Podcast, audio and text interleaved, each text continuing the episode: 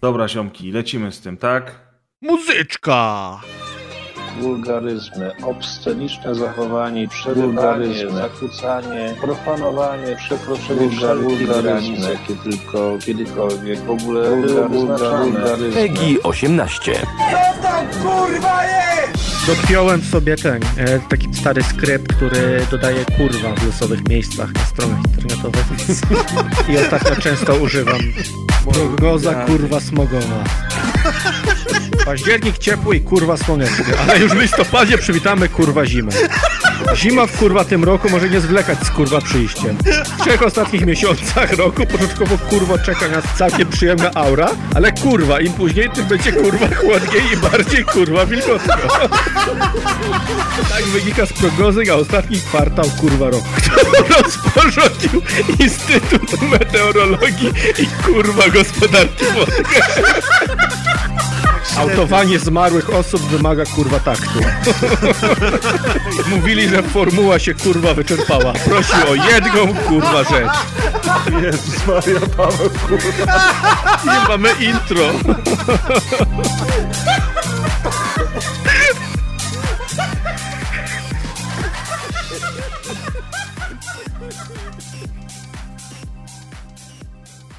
Cześć czołem. Cześć Hello. czołem. Cześć czołem, cześć czołem. Cześć, dzień dobry. Rozgrywka.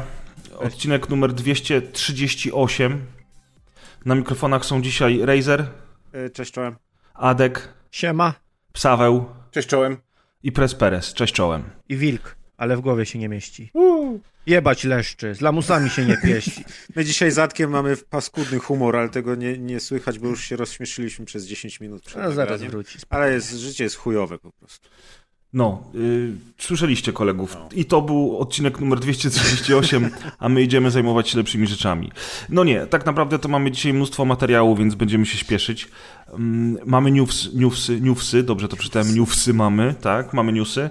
E, I pierwszym newsem e, jest beta Diablo 2 Resurrected, która odbyła się w ubiegły weekend i odrobinkę pograliśmy dosłownie chwilę. Mm, I co, podoba nam się, czy się nam nie podoba? Nie. Podoba nam się. No to ja może powiem tak, żeby słuchacze wiedzieli, którzy nie mieli okazji zagrać, że to jest remaster, który, y, który jest nakładką tak naprawdę na oryginalne Diablo 2. I Diablo 2 chodzi sobie w tle, w 25 klatkach na sekundę, a, To jest skandal. A Hańba. nakładka w postaci Resurrected jest nałożona na to, więc możemy się przełączać w każdej chwili z oryginału na nową wersję, y, tak jak było chociażby w Halo pierwszym. Y, I generalnie rzecz biorąc, y, możemy sobie grać w wersji, przynajmniej tak jest na konsolach. Ja testowałem na PS2 i na Xboxie, nie testowałem niestety na PC. PS2 grałeś? E, Na PS5, przepraszam.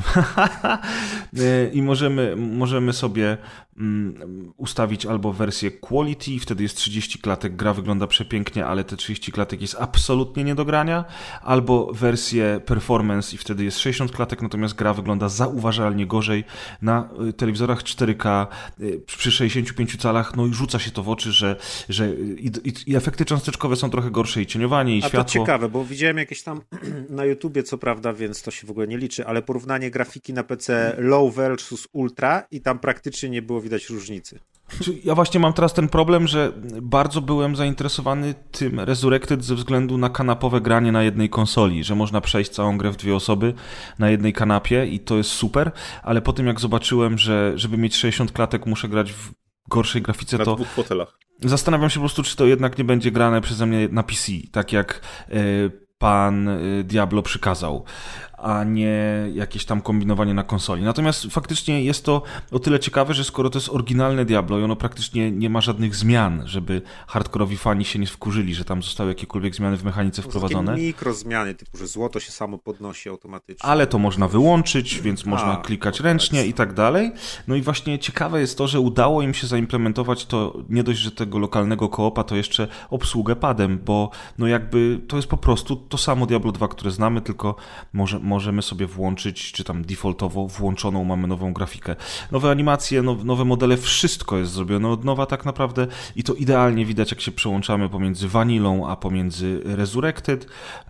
No to Ja- trzeba im przyznać, że to jest ciekawe, bo Diablo jest grą, w której lokacje są powiedzmy loso, lo, losowo generowane.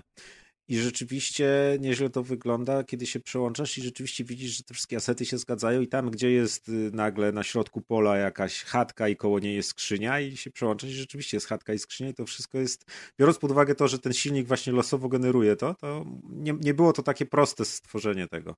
Więc musieli to jakoś sprytnie pomysłowo zrobić, bo, bo nowa wersja wygląda całkiem spójnie, a jest rzeczywiście idealnie wygenerowana na bazie właśnie tego silnika, który tam pod spodem działa z dwójki.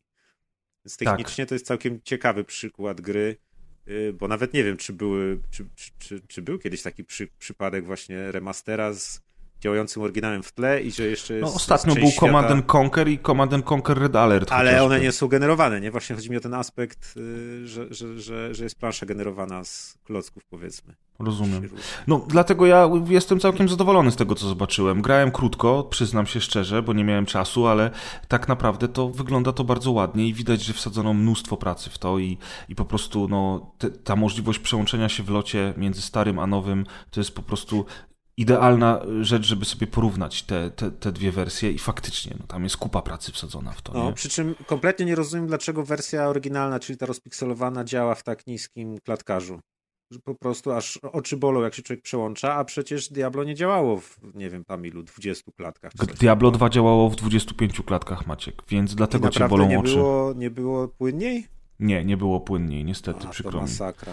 Dopiero teraz wersja z modami była płynniejsza. Ja zresztą w tym roku przeszedłem jedynkę Diablo na modach, a potem dwójkę dwukrotnie, ale nie będziemy teraz y, na ten temat, e, na ten temat No tak, się Z rozwodzić. ciekawostek ja na przykład jak pograłem chwilę, no, no gra wygląda całkiem ładnie i rzeczywiście jest to Diablo 2 takie jak się pamięta, szczególnie kiedy muzyka wejdzie, bo muzyka z Diablo 2 to każdy kto grał to, to wie o co chodzi. Yy, ale co ciekawe, mm, wersja ta stara, rozpikselowana jest dla mnie o wiele bardziej, bardziej czytelna. I kiedy w nowej wersji, przy tej pięknej grafice, gdzieś wypadnie jakiś przedmiot, a już nie daj Bóg, jest to jakiś y, potion do wypicia albo coś, coś mniejszego niż wielka tarcza, to naprawdę ciężko jest to znaleźć. I w nowej wersji musiałem się posiłkować tym podświetlaniem przedmiotów, a w starej wersji, jak się przełączyłem z ciekawości, to a, od razu wypatrzę, tu w trawie leży to, tu to, tu to, więc i w walce z przeciwnikami tak samo. O wiele łatwiej było mi jakby klikać i najeżdżać na tych przeciwników w starej, rozpikselowanej wersji niż w tej nowej. Nie wiem, nie wiem, czy to tylko o rozdzielczość chodzi, czy o jakieś uprzedzenia albo przyzwyczajenia, ale yy, w takim Za ciekawym... dobre już są te gry tak- po prostu. Tak, w takim ciekawym porównaniu właśnie tych dwóch gier wychodzi na to, że brzydsza grafika jest wyraźniejsza, łatwiejsza w interpretacji i prostsza do, do gameplayu, nie? Jakby. Ciekawe.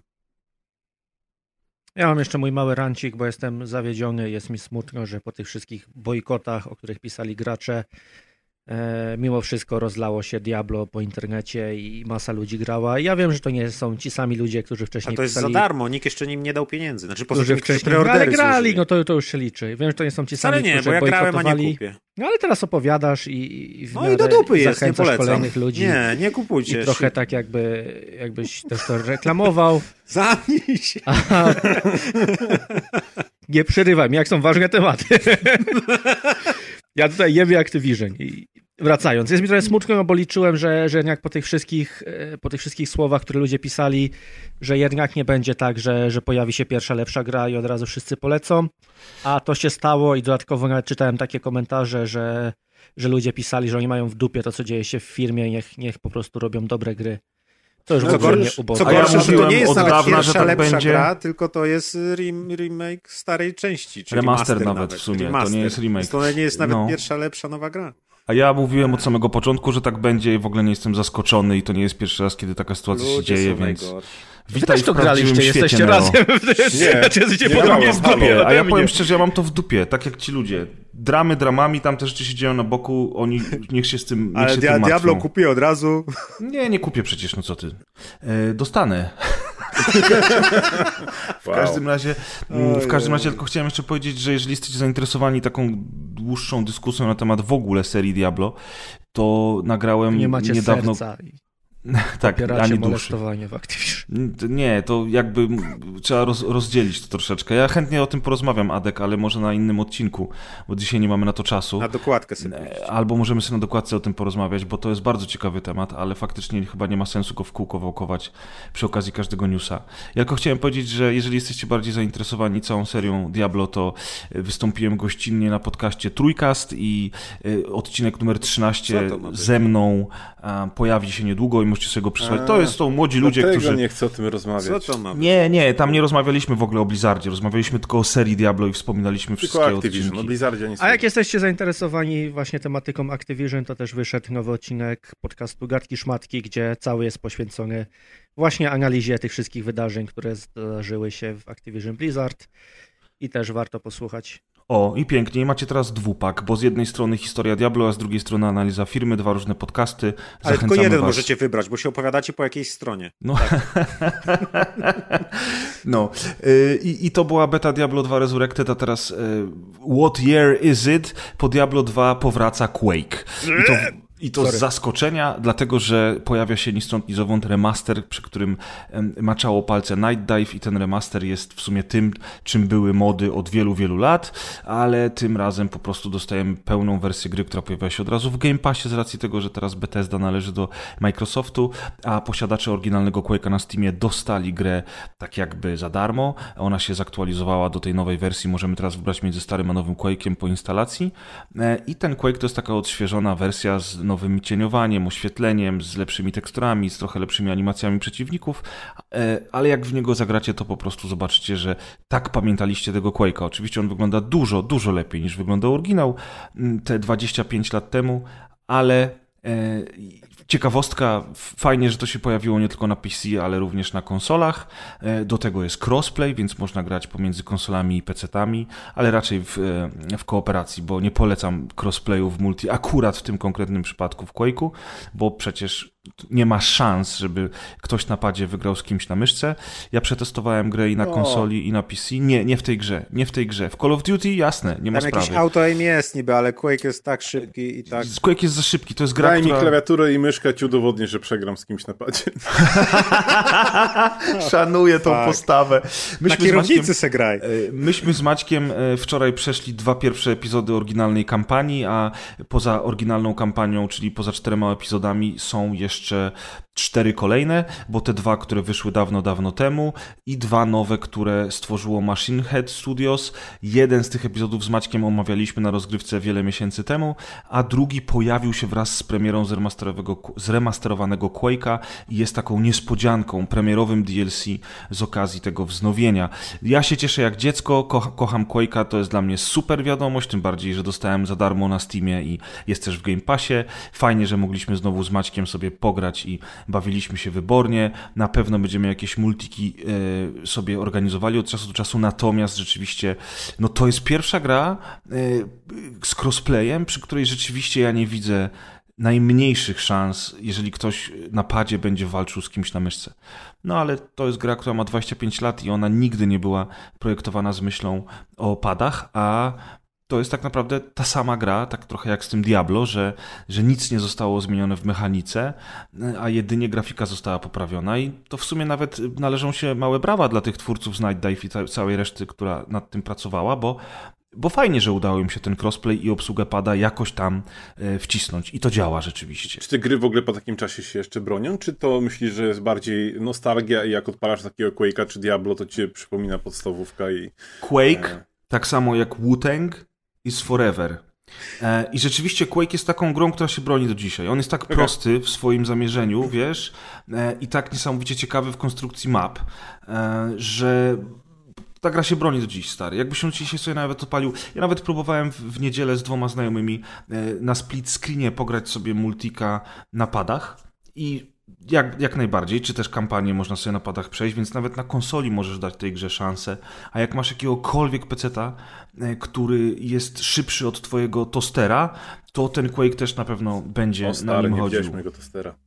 Ha, to tak, może tak być faktycznie. Ale też właśnie mi- mi się wydaje, to są jakby podobne przypadki gier i to Diablo 2 i ten Quake, gdzie moim zdaniem y, jakby one wyszły głównie po to, żeby zrobić jakby to takie games preservations, czyli żeby te gry y, działały na nowych systemach, bo są przystosowane do, do panoramicznych ekranów i tak dalej, jakieś tam trochę efektów więcej obsługują, rozdzielczości czy, czy peryferia, myszki i tak dalej, pady, ale jakby są na tyle wiernym odwzorowaniem oryginałów, że moim zdaniem nie ma szans, żeby teraz nagle właśnie nowi gracze, którzy w te gry nigdy nie grali, nagle się na nie rzucili i żeby to było coś nie, nie wiadomo co dla niej. Jakaś no właśnie to jest, ja się zastanawiam, to jest nie? jakby to jest... Ma, to jest jakby na tyle odświeżające, że okej, okay, mając teraz te remastery, od dzisiaj nie musimy wracać do oryginałów, bo te remastery mogą nam te oryginały zastąpić, bo tak, są nie wygodniejsze musimy modować ładniejsze. tych gier. Nie musimy tego modować, więc to jest tak jakby kwestia wygody tylko. Okej, okay, fajnie, możemy grać w nowego Quake'a i w nowe Diablo, a nie, nie, nie męczyć się z tymi starymi wersjami, ale jakby dla kogoś, kto w te gry nie grał, nie ma do nich żadnego sentymentu i teraz sobie je odpali, to myślę, że będą tak samo toporne jak stare wersje. No właśnie o to, to, nie do ma, tego dążyłem. Dla niego by nie było różnicy, bo one mechanicznie, przecież to Diablo, y, hack and slashy tak dużo, daleko do przodu poszły od czasu Diablo 2. Quake też, no to jest jasne, ta gra jest świetna, bo ma świetną fizykę, bronię, całe wszystko jest, mapy fajnie pomyślane, ale znowuż, to jest kompletnie nie dzisiejsza rozgrywka, gier się tak nie robi i, i teraz nawet jak wyszedł nowy Quake Champions, to on też jest trochę inaczej już skonstruowany. Więc jakby to jest bardzo fajny prezent, takie remastery dla starych graczy, którzy pamiętają te oryginalne tytuły, grali w nie i teraz sobie mogą wracać do tych nowych wersji, ale właśnie wydaje mi się, że jakby no, tu jak graliśmy czy coś, czy w Diablo i ga gadaliśmy o tym, to właśnie mówiłem, że to no fajnie wygląda, ale to jest żadna rewelacja. Nie? no tak, oczywiście to jest ta sama gra, tylko że po prostu odświeżona graficznie. E, natomiast jeżeli mam być szczery, to e, wyjebane mam na tych młodych graczy, ja się świetnie bawię. to jest jakby jedna strona medalu. Tak. A druga strona medalu jest taka, że z dużym zaskoczeniem bardzo często czytam w internecie komentarze młodych ludzi, którzy sięgają po te starsze gry i bawią się świetnie. Właśnie e, Kacper, który prowadzi ten trójkast razem ze swoimi kolegami, opowiadał dzisiaj o tym, że mm, on jedynkę Diablo po raz pierwszy przeszedł w tym roku i przeszedł ją w oryginale, w wanili, bez żadnych modów i bawił się świetnie. E, docenił gameplay, docenił fabułę, docenił klimat, muzykę. Więc e, to nie jest tak, że te stare gry nie mają nic do zaoferowania młodym ludziom, ale, to... ale na pewno jest tak, że to mały odsetek tylko po nie sięga, prawda? Dokładnie, dokładnie. No, ale jak widać, A ten, co po nie sięga, to, to, to myślę, że równie dobrze właśnie jak zagryzą zęby to będą chcieli sprawdzić wersję oryginalną. Tak jak ja na przykład teraz grałbym w Final Fantasy VII, to wolałbym zagrać w oryginał niż w ten remake. Więc... No ale to wiesz, to jest jednak remake, to możesz zagrać sobie. Właśnie a to jest remake, różnica no dobra, pomiędzy remake'iem a, a, remasterem, nie? że w remake możesz sobie zagrać i jak zagrasz sobie w oryginalną, to w zasadzie powinieneś mieć dwie różne gry, w, po prostu połączone no tak. tą, tym samym lore, nie? Ale... A już szczególnie na przykład taki remake Residenta dwójki, który jest już zupełnie no. inny, powiedzmy, nie? No tak. No. I tak to było, słuchajcie, a ponieważ dzisiaj newsy są tylko o starych rzeczach, to ostatnim, przedostatnim newsem tak naprawdę, na końcu będą nowości, obiecuję, ale przedostatnim newsem jest Realms Deep 2021, czyli e, ten taki festiwal e, boomer shooterów, który prowadzi 3D Realms i który w zeszłym roku miał swoją pierwszą edycję i pokazano kilka ciekawych gier. E, niektóre z nich już wyszły, większość z nich wyszła w Early Accessie, ogólnie takie stare boomery jak ja się bardzo z tego cieszyły. I teraz niedawno odbyła się druga edycja, która trwała 4,5 godziny, wszystko było na streamie, ponieważ jest COVID, no i nie ma żadnej oficjalnej gali, tylko wszyscy robią to, kręcą z domu, co zresztą widać, bo niestety bardzo nieprofesjonalny był ten cały pokaz i byli deweloperzy, byli deweloperzy, którzy opowiadali o swojej grze, grze spokoju, gdzie kamerka za ich plecami łapała na przykład łóżko piętrowe z gaciami i skarpetami porozrzucanymi. I tam goły typ spał. I w ogóle wiesz, tak, to wyglądało jakby koleś w ogóle dzwonił z więzienia, nie? I tak dziwnie mu głowa podskakiwała w tej kamerce. I w ogóle wiesz, to jest taka, nie ma nic przyjemniejszego ważniejszego e, niż pocałunek w środku nocy, chyba, że jesteś w więzieniu, nie? No, tak, no, no, i generalnie rzecz biorąc, e, dramat. Ta konferencja to był pierdolony dramat, bo oni no, strasznie słabo to wszystko prowadzili. Ja rozumiem, że, że ci deweloperzy siedzą gdzieś tam w swoich piwnicach, no bo wiadomo, oni robią boomer shootery, więc wiadomo, że siedzą w piwnicy u rodziców i, i dzwonią z komórki ich rodzice już nie żyją pewnie.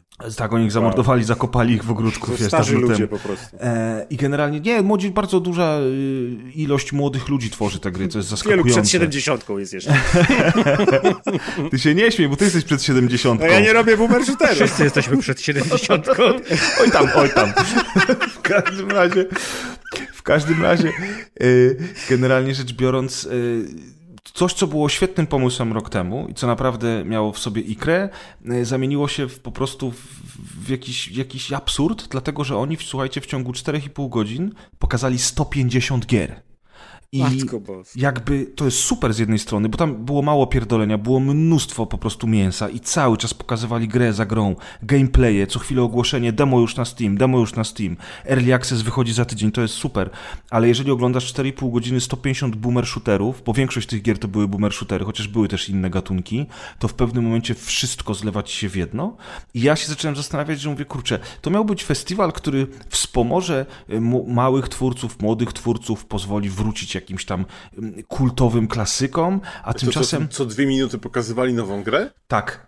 Tak, stary, były takie fragmenty, że na przykład puszczali ci kilka trailerów pod rząd, gra za grą. jeszcze wywiady z przy każdym jest nowe mieszkanie. Graczami zmieścili? Tak, tak, tak no. zmieścili wszystko. 4,5 godziny minuta męczarni. Minuta na gacie i minuta na grę, okej. Okay. Żebyś wiedział, naprawdę, 4,5 minuty, 4,5 godziny, przepraszam, męczarni, dlatego, że większość, umówmy się, większość tych gier już po zapowiedziach widać, że jest kiepska one wszystkie są do siebie zajebiście podobne i po prostu, ja nie wiem czemu, zamiast wyselekcjonować jakąś grupę 20-30 naprawdę dobrych gier, to oni sobie zrobili taki chyba trochę festiwal, wiecie, klepania się po dupach. Przyszli wszyscy z 3D Realms i z innych Ale studiów. jakbyś miał wybrać 20-30, to znaczy, że ktoś by musiał przebrnąć przez te wszystkie 144 gry. A tak to wiesz, bierzemy wszystko, co mamy i puszczamy jak leci. No i dlatego wyszło jak wyszło. W ogóle ciekawostka, że w trakcie tego live eventu, bo ja to oglądałem na żywo, niecały tysiąc ludzi to oglądał tylko, co jest po prostu absolutnie minimalną, malutką ilością. Tak, głównie deweloperzy i wojewoda, tak to wyglądało. A, a po tygodniu ten cały filmik jest na YouTubie, można obejrzeć całe 4,5 godziny. Po tygodniu było 2000 wyświetleń. To znaczy, że kurwa ten event nikogo. I to mnie nie dziwi wcale, bo to jest nisza. Natomiast tym bardziej dziwię się, że oni marketingowo w ogóle nie, nie chcieli za bardzo się tym chwalić. Oni na socjalach troszeczkę tam mieli tych informacji i tak dalej obserwuję tych wszystkich deweloperów, którzy w tym siedzą, y, czy wydawcę, chociaż szefa... szefa wszystkich? Tak, szefa New Blood Interactive i, i, tych devów, którzy pracują przy tych gierkach, które mnie interesują. I oni tam między sobą się prze, przerzucali ty, informacjami o tym, że takie wydarzenie będzie miało miejsce. No ale poza tym, wiecie... Przekładka. Taki gaciowy stream był ogólnie. E, poza tym to, to, to po prostu nikogo nie obchodzi, chyba, że te parę osób w więzieniu i mnie. E, no i trochę szkoda, bo uważam, że powinni byli wyselekcjonować parę gier po prostu i dać im więcej czasu antenowego, a nie robić taki kurwa zlepek wszystkiego, bo po obejrzeniu tego streamu człowiek w ogóle nie pamięta, co oglądał. Natomiast chciałem tylko parę gier wymienić. A które... może to jest taka podkładka, że na koniec te wszystkie gry wyjdą na jednym kartridżu? no nie sądzę. Natomiast faktycznie kilka, kilka gier y, wpadło mi w oko i zapowiada się naprawdę cudnie. Kultik to jest pierwsza gra, to jest w ogóle prawie że hołd dla Blood y, i można sobie Kultik demo już... Blood. Y, można, można sobie Celtic, tak, dobrze, Celtic, Hold the Blood, chociaż już mieliśmy Howdy. rozmowę na ten temat, że Blood też jest dobrze. Howdy, man. W każdym Howdy. razie sprawdźcie sobie demo Celtic na, na Steamie, bo to jest mega miodny boomer shooter z naprawdę fajnym pomysłem na siebie i zajebiście brutalny i klimatyczny. Forgive Me Father, dlatego, że to, są, to jest taki komiksowy Cthulhu.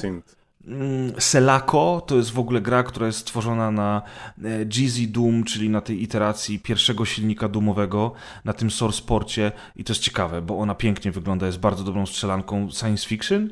Ten polski Postal Brain Damaged, który jest takim spin-offem Postala i to robi Hyper Strange, to, to nawet ciekawie wygląda. No i jeszcze zapowiedziano remaster Power Slave, który nazywał się będzie Power Slave Exhumed. To znowu robi Night Dive Studios.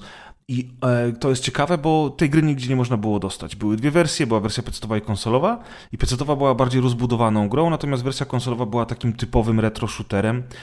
I to właśnie ta konsolowa wersja z PlayStation będzie jako remaster wydana teraz na wszystkim. Wygląda to bardzo ładnie. Ja się cieszę, bo nigdy w to nie grałem, a zawsze chciałem.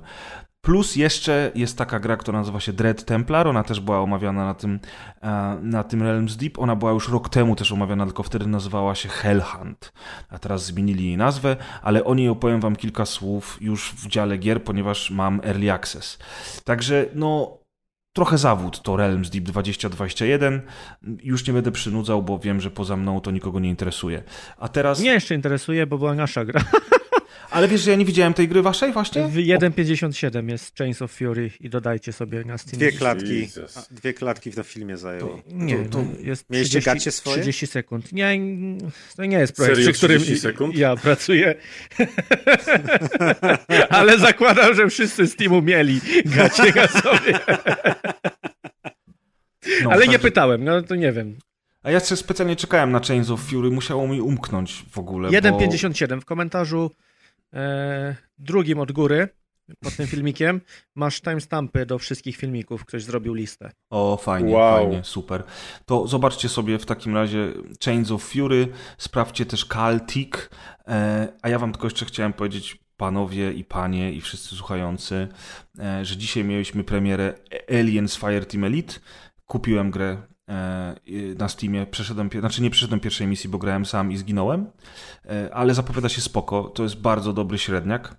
Niestety tylko średniak z ubogą grafiką, ale widać, że, że twórcy mm, e, wsadzili dużo serducha w to, przynajmniej na początku mi się to, no jedna misja, no. Misje są cholernie długie, bo trwają po 30 minut i rzeczywiście są dosyć wymagające, więc fajnie by było mieć ekipę, także jakby ktoś chciał pograć, to możecie rzucać w komentarzach, jeżeli gracie na Steam, to, to dajcie mi znać. Jak już pogram tak porządnie, to wtedy opowiem co nieco o tej grze. Mam nadzieję, że Maciek dołączy. Jutro wychodzi Psychonauts 2 i wygląda pięknie. Ja bym bardzo chciał w to zagrać, bo od jedynki się odbiłem, dlatego że ona już jest dosyć starawa. A dzisiaj wyszło jeszcze King's Bounty 2. E, dostałem do recenzji i odpaliłem na chwilę przed nagraniem i powiem wam, że jestem w ciężkim szoku, bo nie, ja nie wiedziałem zupełnie o tym, że, że w King's Bounty 2 gra się jak w RPG-u, w TPP, podróżuje po, się po świecie, prowadzi się dialogi, chodzi się do kupców, jeździ się na koniu pomiędzy tymi miastami i dopiero jak gdzieś na trasie albo w mieście trafiamy na walkę, to kamera się ustawia e, u góry, pojawiają się heksy i zaczyna się walka turowa, tak jak w King's Bounty 1. Nie grałeś nigdy w King's Bounty? Nie, Wcześniej nigdy. Wcześniej też były takie. Tak? Nie pamiętam jak no... bardzo rozbudowanie fabul rozbudowałem fabularnie, ale wydaje mi się, że też dość mocno, bo mój tata mocno się zagrywał w to. No widzisz, to będzie zadowolony twój tata na pewno, bo ta dwójka z Wątpię. tego, co widziałem... Nigdy nie jest zadowolony. z tego, z tego, co widziałem, to dwójka zapowiada się naprawdę pysznie i jest świetnie zrobiona i aż jestem ciekaw, jak, jak w to się będzie grało, więc na pewno też przy okazji kolejnego odcinka wam o niej opowiem. A, to a propos Early Accessów, to już jakiś czas temu, bo 5 sierpnia Death Trash o którym gadaliśmy po targach, wszedł do Early Accessu, ale tak. to jest znowu przypadek mm, tego Early Accessu, w który ja nie chcę grać, bo ja, mi się tak ta gra spodobała, że ja nie chcę grać w żaden Early Access, tylko już na pełną wersję chcę poczekać. Jakbyś chciał, to w ogóle mamy tego Dead Trasha w Early No ale Access. ja nie chcę grać, ja chcę w całość już zagrać. No ja wiem, rozumiem twój ból, dlatego ja zazwyczaj Smuteczek, że gry w Early Access testuję na chwilę i zostawiam je właśnie po to, żeby przejść w całości, ale o Death Trash też wam opowiem za jakiś czas. Eee, a ktoś jeszcze chciał nam opowiedzieć parę słów o konferencji Microsoftu, która odbyła się w zasadzie przed chwilą. Tak, przed chwilą się skończyła konferencja Microsoftu. Jeżeli chcecie sobie zaoszczędzić e, chyba nawet niecałą godzinę ze swojego życia. Bo to, to... Gamescomowa, tak? W ramach Gamescomu. Tak, tak, tak, tak. To wam wyciągnę trzy ciekawostki, jedyne, które były. Na podstawie tych ciekawostek będziecie mogli w stanie ocenić, czy jesteście w stanie oglądać całość. E, pierwsza ciekawostka jest taka, że zapowiedzieli e, multiplayer, taki e, competitive multiplayer do Flight Simulatora, czyli będzie można się tam ścigać na czas i, i latać i będą tam dodatkowe tryby rozgrywki do, do Flight Simulatora. Druga ciekawa rzecz, która mnie osobiście zainteresowała to Crusader Kings 3 trafi na, do Game Passa, na Xboxa. E, bo teraz jest na, na PC-ta, jeżeli się nie mylę, więc to jest taka ta dziwna strategiczna gra, chociaż nie mam pojęcia jak to się na padzie będzie obsługiwać, ale to jest ta dziwna strategiczna gra, gdzie można być tam królem, władcą, władczynią i robić różne dziwne rzeczy. Można zjeść papieża. Tak, tak, o, to jest dokładnie ta gra. Byle nie Natomiast... papieżaka. Na byle nie papieżaka, dokładnie. Nie pomyl papieżaku. Nie pomyl papieża, dokładnie. Ojej. I trzecia, ostatnia, najfajniejsza rzecz to y, pokazali, jaki samochód będzie już oficjalnie na okładce Forza Horizon No to 5. jest najważniejsza rzecz świata. Najważniejsza. E, będzie to AMG Project One. E, jeżeli ktoś nie wie, co to jest za samochód, to jest samochód, który pierwsze koncepty e, zadebiutowały bodajże w 2017 roku i to jest taki bardzo dziwny Mercedes, który jest w zasadzie jakiś... zbudowany na bazie bolidów Formuły 1, ale wygląda jak normalny samochód, ale technologicznie jest jakby bardzo mocno po, powiązany z bolidem F1. Mm, do 200 km na godzinę rozpędza się w 6 sekund, ma 1000 koni mocy, ale uwaga, jego pojemność silnika to jest 1,6 litra, także... E, Jakie punto! Także tak, właśnie, jak macie jakieś różne tam punto, fokusy, golfy, to możecie się czuć Nie macie co wstydzić. Dowartościowani, tak. Na okładce też będzie Ford Bronco, co mnie bardzo osobiście e, o, to jest e, dobre ucieszyło i też jedyne co warto, to możecie sobie obejrzeć, bo pokazali właśnie e, nowe urywki, rozgrywki z Forza Horizon 5 i był jeden element, który naprawdę mi opadła szczena, bo robili przejazd tam przez jakieś tam tereny miejskie i nagle wjechali w sam środek burzy e, tej takiej pustej, jak to się mówi, burza Piaskowa? z piasku. Burza piaskowa. Pieskowa. Tak. Pieskowa. E, pieskowa. Nie pieskowa. I po prostu ten efekt jest niesamowity, bo... E... A ją tak z daleka widać na horyzoncie nawet tą burzę. Ją, raz, że ją widać na, na horyzoncie, ale ten moment jak się w nią wjeżdża i robi się tak jasno, to jest e, naprawdę wręcz takie oh, lekko... What a lovely day! Mhm. I, i to było mega efekciarski. To są w zasadzie jedyne trzy rzeczy, które osobiście wyłapałem z tej konferencji. Jeszcze jedna rzecz, to jest no? Xcloud, który trafi na konsolę. I to na stare A, i na nowe tak, konsole właśnie. i to jest duża rzecz, no bo będzie można tak. na starym Xboxie zagrać na przykład w The Medium. I... Tak, i w zasadzie w każde inne gry, które będą, o ile będziecie mieć dobry internet, to będą jakościowo zbliżone do Series S. No to chyba jest najważniejszy news tej konferencji, co? Nie wiem, bo ja mam Sirius Exa, to co? Ja wiem, ale jednak, ale jednak jest to... Walić jest biedaków. To... No właśnie, to już tak mnie przed podcastem powiedzieliście, że tutaj tak, młodych walić, tych walić. Wszystkich pokonać. Nie, jest to, jest to walić, bardzo jebać. dobra usługa. Jebać, bardzo aha, dobra usługa jebać. To jest. Tak, Xcloud jest super. Wiadomo, że jest trochę loteria z tym, jak to u kogo zadziała, ale jak już zadziała i w przyszłości pewnie to ta infrastruktura będzie się poprawiać i będzie to działało lepiej u wszystkich i, i to jest jedna z tych, z tych, tych technologii, Mega się poprawiło. Ja wierzę. Xcloud się naprawdę mega poprawił, bo e, sprawdzałem go rok temu i się absolutnie grało, nie dało grać w nic szybszego, a teraz spokojnie nawet w Hadesa jestem w stanie pograć sobie przez Xclouda. Mi się też podobało to ogłoszenie y, gier wydawanych przez Humble Games y, Day One w Game Passie, dlatego że to są same indyki, ale one są bardzo urocze, jest bardzo dużo tych tytułów i... Dzisiaj nawet to jeden będzie. Jest jeden dzisiaj nawet będzie? Tak. Który? Nie powiem ci, będziesz musiał posłuchać odcinka. Się tak nie interesuje. A, dobrze, okej, okay, okej. Okay. Staniesz, wiesz czego. Dobra, w każdym razie ja się bardzo cieszę, bo, bo, bo, po prostu oglądałem ten skrót tych indyków od Humble Games i tam jest przynajmniej kilka tytułów, które bym sprawdził, a ponieważ one będą w Game Passie, to nawet jak, będę słab, jak będą słabe, to po prostu je odinstaluję. Więc y, cieszę się, że, że, że oni coraz, coraz szerzej idą z tymi gierkami, bo okej, okay, to nie są super, hiper zajebiste gry, to są, to są małe, małe indyki, tak? To są małe indyki, ale są urocze no i why the fuck not? Więc to też warto sprawdzić, bo tych tytułów tam jest chyba z 10 w ogóle od tego Humble Games, które się pojawią w Game Passie. No i co? No i to była konfa Microsoftu, to są newsy, a w zasadzie ich zakończenie. I dzisiaj w ogóle zaczniemy omówienie gier od bardzo nietypowej sprawy, bo chciałem wam opowiedzieć o Prince of Persia The Dagger of Time. E, I historia jest taka, że pojechałem sobie na tydzień do kolonii, do mojego Górniczej? przyjaciela. Nie, na do Golonii, do Kolonii w Niemczech. A na Co ty teraz, łysy jesteś? Pierwszego dnia w Kolonii jadłem golonkę, więc mi się to zmiksowało po prostu, bo byłem u świętego Łukasza od Kodów, e, którego serdecznie pozdrawiam i który zabrał mnie, słuchajcie, na... Na jedzenie w końcu. E, na jedzenie też, ale e, pojechaliśmy do takiego centrum paintballowo escape roomowego i tam są różne takie imprezy dla dzieci w ogóle i tam można było... Dobrze cię zabrał. Tam można było zagrać... Pres grał księcia Persji. Na wypasie takiego. Jeszcze się odgrywał. Dokładnie. Księciem nie, dla nie. dzieciaków. Słuchajcie, bo okazuje się, że, okazuje się, że Ubisoft stworzył trzy gry VR-owe, które są escape roomami VR tak. E, i które są wydane tylko i wyłącznie w ten sposób, że nie możesz ich kupić sobie na przykład na Oculusa w domu, tylko rzeczywiście musisz pojechać do jakiegoś e, takiego miejsca, które serwuje ci te gry i zagrać tam. I to jest o tyle dziwne, że po prostu zakładasz VR na głowę i grasz tak, jakbyś zagrał w domu. No nie, no, bo ale... tam chodzisz po dużej przestrzeni i z innymi ludźmi. Słuchaj, myśmy byli, jak masz duży dom, to możesz chodzić. Myśmy byli w pokoju, no, który... Bogol, cicho. Myśmy byli w pokoju, który miał cztery zestawy VR, każdy był w jednym narożniku i tak naprawdę prawie w ogóle nie chodziliśmy A, po tym pokoju. jak takie ćpuny VR-owe. Ale ci powiem, że odważnie w czasach COVID-a skoczyć na publicznie VR. Nie, ale on nie był publiczny, było nas dwóch tylko. No tak, no, ale w sensie no, w publicznym lokalu, nie, nie że w, w domu. Te gogle zakichane takie. No. W, Niemczech, e, w Niemczech jest tak, że nie wejdziesz nigdzie, nawet do restauracji, do McDonalda, jeżeli nie przedstawisz im... E, Się. Jeżeli nie, nie podniesiesz nie prawej ręki w górę. Dowodu szczepienia, dowodu tego, że jesteś uzdrowieńcem albo dwudniowego testu i Albo nigdzie cię nie wpuszczą.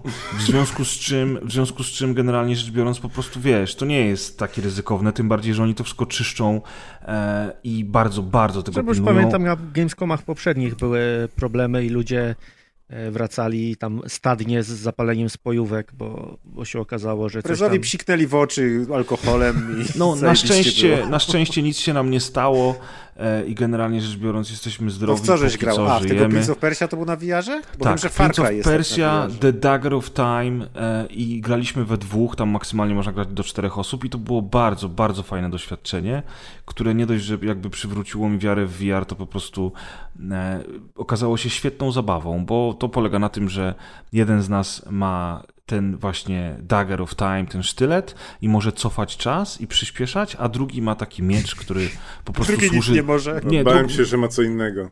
Drugi ma miecz, który służy do niszczenia pewnych takich elementów magicznych, które przeszkadzają nam w podróżowaniu dalej i w rozwikływaniu zagadek. No i słuchajcie, świetna zabawa. Myśmy tam półtorej godziny się bawili, bo w ogóle ta obsługa była na tyle miła, półtorej że Półtorej godziny nam... w kącie tam staliście, każdy z tak, was. Z tak, mieczem w łapie. Tak jest. To dokładnie. nie był miecz. Dokładnie. I, Jeden tak, cofał i przyspieszał. Drugi rozwalał. Przeszkody. To jest ładne. To Fajna zabawa, półtorej godziny takiej zabawy. A ja odpaliłem... Strasznie wyczerpujące. Odpaliłem filmiki tam też były. I pierwsze co, to jest całująca się para, także nie wiem, co byście grali. to w wiarze trzeba odegrać, Adek. No to Gdzie mówię, to przecież mówię, Adek. że mi się podobało, no. Cały czas wam mówię, że mi się podobało. Daj tego, daj, daj ten sztylet, no. Zostaw mój sztylet. W każdym razie, y, słuchajcie, naprawdę miłe zaskoczenie, bo bardzo ciekawe zagadki środowiskowe. Y, musisz naprawdę współpracować z drugim graczem, podpowiadać sobie. Bardzo często jesteście w różnych miejscach na mapie, przez co każdy z was musi obserwować i szukać rozwiązania zagadki po swojej stronie, a drugi musi po swojej stronie obserwować i szukać rozwiązania. Razem musicie dochodzić, haha, tak wiem, do tego e, właśnie, co trzeba zrobić dalej. A robiliście to, że, że jeden jak ma zasłonięte oczy i drugiego dotyka jakąś częścią ciała i ten pierwszy musi zgadnąć, czym to został dotknięty? Zależy jak, jak smakuje. Zgadnie, to musi wstać i powiedzieć dagger. A za każdym razem jak mówi, jak mówi Dagger, to jest Dagger. Dagger! Wasza wersja gry jest jeszcze lepsza, widzę. Ale, ale no Adek jest tu deweloperem. Ja byłem w weekend e, w Escape Roomie z Deusze. Masz doświadczenie już. Tak, tak. Tam się ich o testy nie pytali. Nie. W każdym razie y, powiem wam, że naprawdę duże zaskoczenie i bardzo fajna rzecz. Ja nie rozumiem, czemu Ubisoft tego nie wydaje po prostu jako gry VR-owej, w którą można sobie zagrać Pewnie w ma domu. umowy podpisania takie, że tylko w ten sposób mogą dystrybuować. Może, ale to jest coś, co mógłbyś grać po prostu online z drugim graczem, który też ma VR. Ale dostali pieniążki za to, no, taki ekskluzyw trochę. No, taki trochę Albo zakładam, że może właśnie chcą iść w stronę takich, nazwijmy to VR-owych escape roomów i robić z tego licencje takie, wiesz, osobno. Może z tego mają większy hajs niż e, z potencjalnej gry VR-owej wypuszczonej na, na rynek. Być może tak. Natomiast jeżeli będziecie mieli okazję, to sprawdźcie. I nie zwrócisz tego. Bardzo fajne. Tak, nie zwrócisz tego, to się zgadza. Ale zwrócisz Poza... w tym pokoju. No właśnie. możesz, możesz. Słuchajcie, ja mam lęk wysokości lekki i tam było mnóstwo fragmentów, w których trzeba było się wspinać po lianach, po drabinach, przechodzić nad przepaścią, chwytając się po prostu szczebelków e, nad twoją głową i patrzenie w dół czasami sprawiało lekki e, niepokój. A to w weekend Naprawdę... też byłem na ściance spinaczkowej, polecam. To tam, no to już na pewno bym się zesrał, ale ten... ekstra wrażenie. Ale, no, ekstra wrażenie. Najlepszy weekend ever! No, Jak by było wiadomo, się którą drogą się wspinałeś. No, natomiast ten... Mamo! Natomiast, natomiast fajne jest to, że oni, że oni w tym VR-ze tak, połączyli, że oni połączyli w tym VR-ze faktycznie wszystkie najważniejsze elementy Prince of Persia dzięki czemu, dzięki czemu Czyli jest... mieczyk i cofanie czasu. Nie, no wiesz, jest cofanie czasu, są zagadki, jest, jest dużo platformera tak naprawdę, no, jeżeli można tak to nazwać, ale rzeczywiście tam no, je, na jest dupie trochę siedziałeś, tego takiego... ten platformer Nie siedziałem taki... na dupie, tylko stałem, wiesz. Ale, ale... na dupie. Tager. Ta gra, Ale ogólnie, ogólnie naprawdę The Dagger of Time to była fajna zabawa. Wiem, że są jeszcze dwa escape roomy z Assassin's Creed, i to chyba wszystko z tego, co czytałem. Natomiast ty macie Coś było z Far Cry'a, Far pamiętam, że, że był jakiś Far Cry. Może jeszcze nie wyszedł, Możliwe. ale miał być taki właśnie experience. Możliwe. No i słuchajcie, idąc już za ciosem, zagrałem też na VR-ze, już na domowym VR-ze zagrałem Vader Immortal a Star Wars VR Series.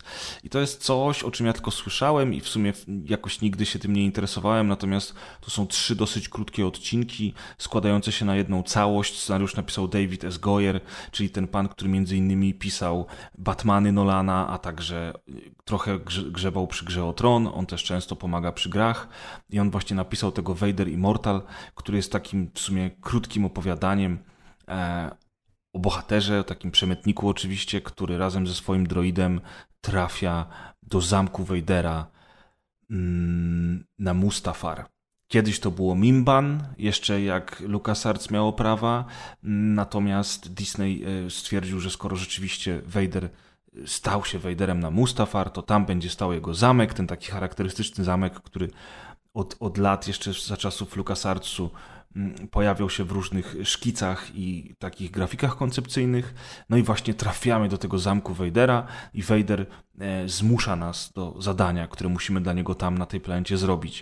I to jest bardzo fajne, naprawdę, bo to wygląda jak milion dolarów, mimo tego, że oczywiście jakość tego VR nie jest jakaś super, bo ja grałem na Oculusie Rifcie i no niestety rozdzielczość tych, tych wyświetlaczy już coraz bardziej mi przeszkadza, bo coraz bardziej widać, że wszystko dookoła, jakby poza tym głównym centrum, na które patrzysz, jest rozmazane. Ale nieistotne.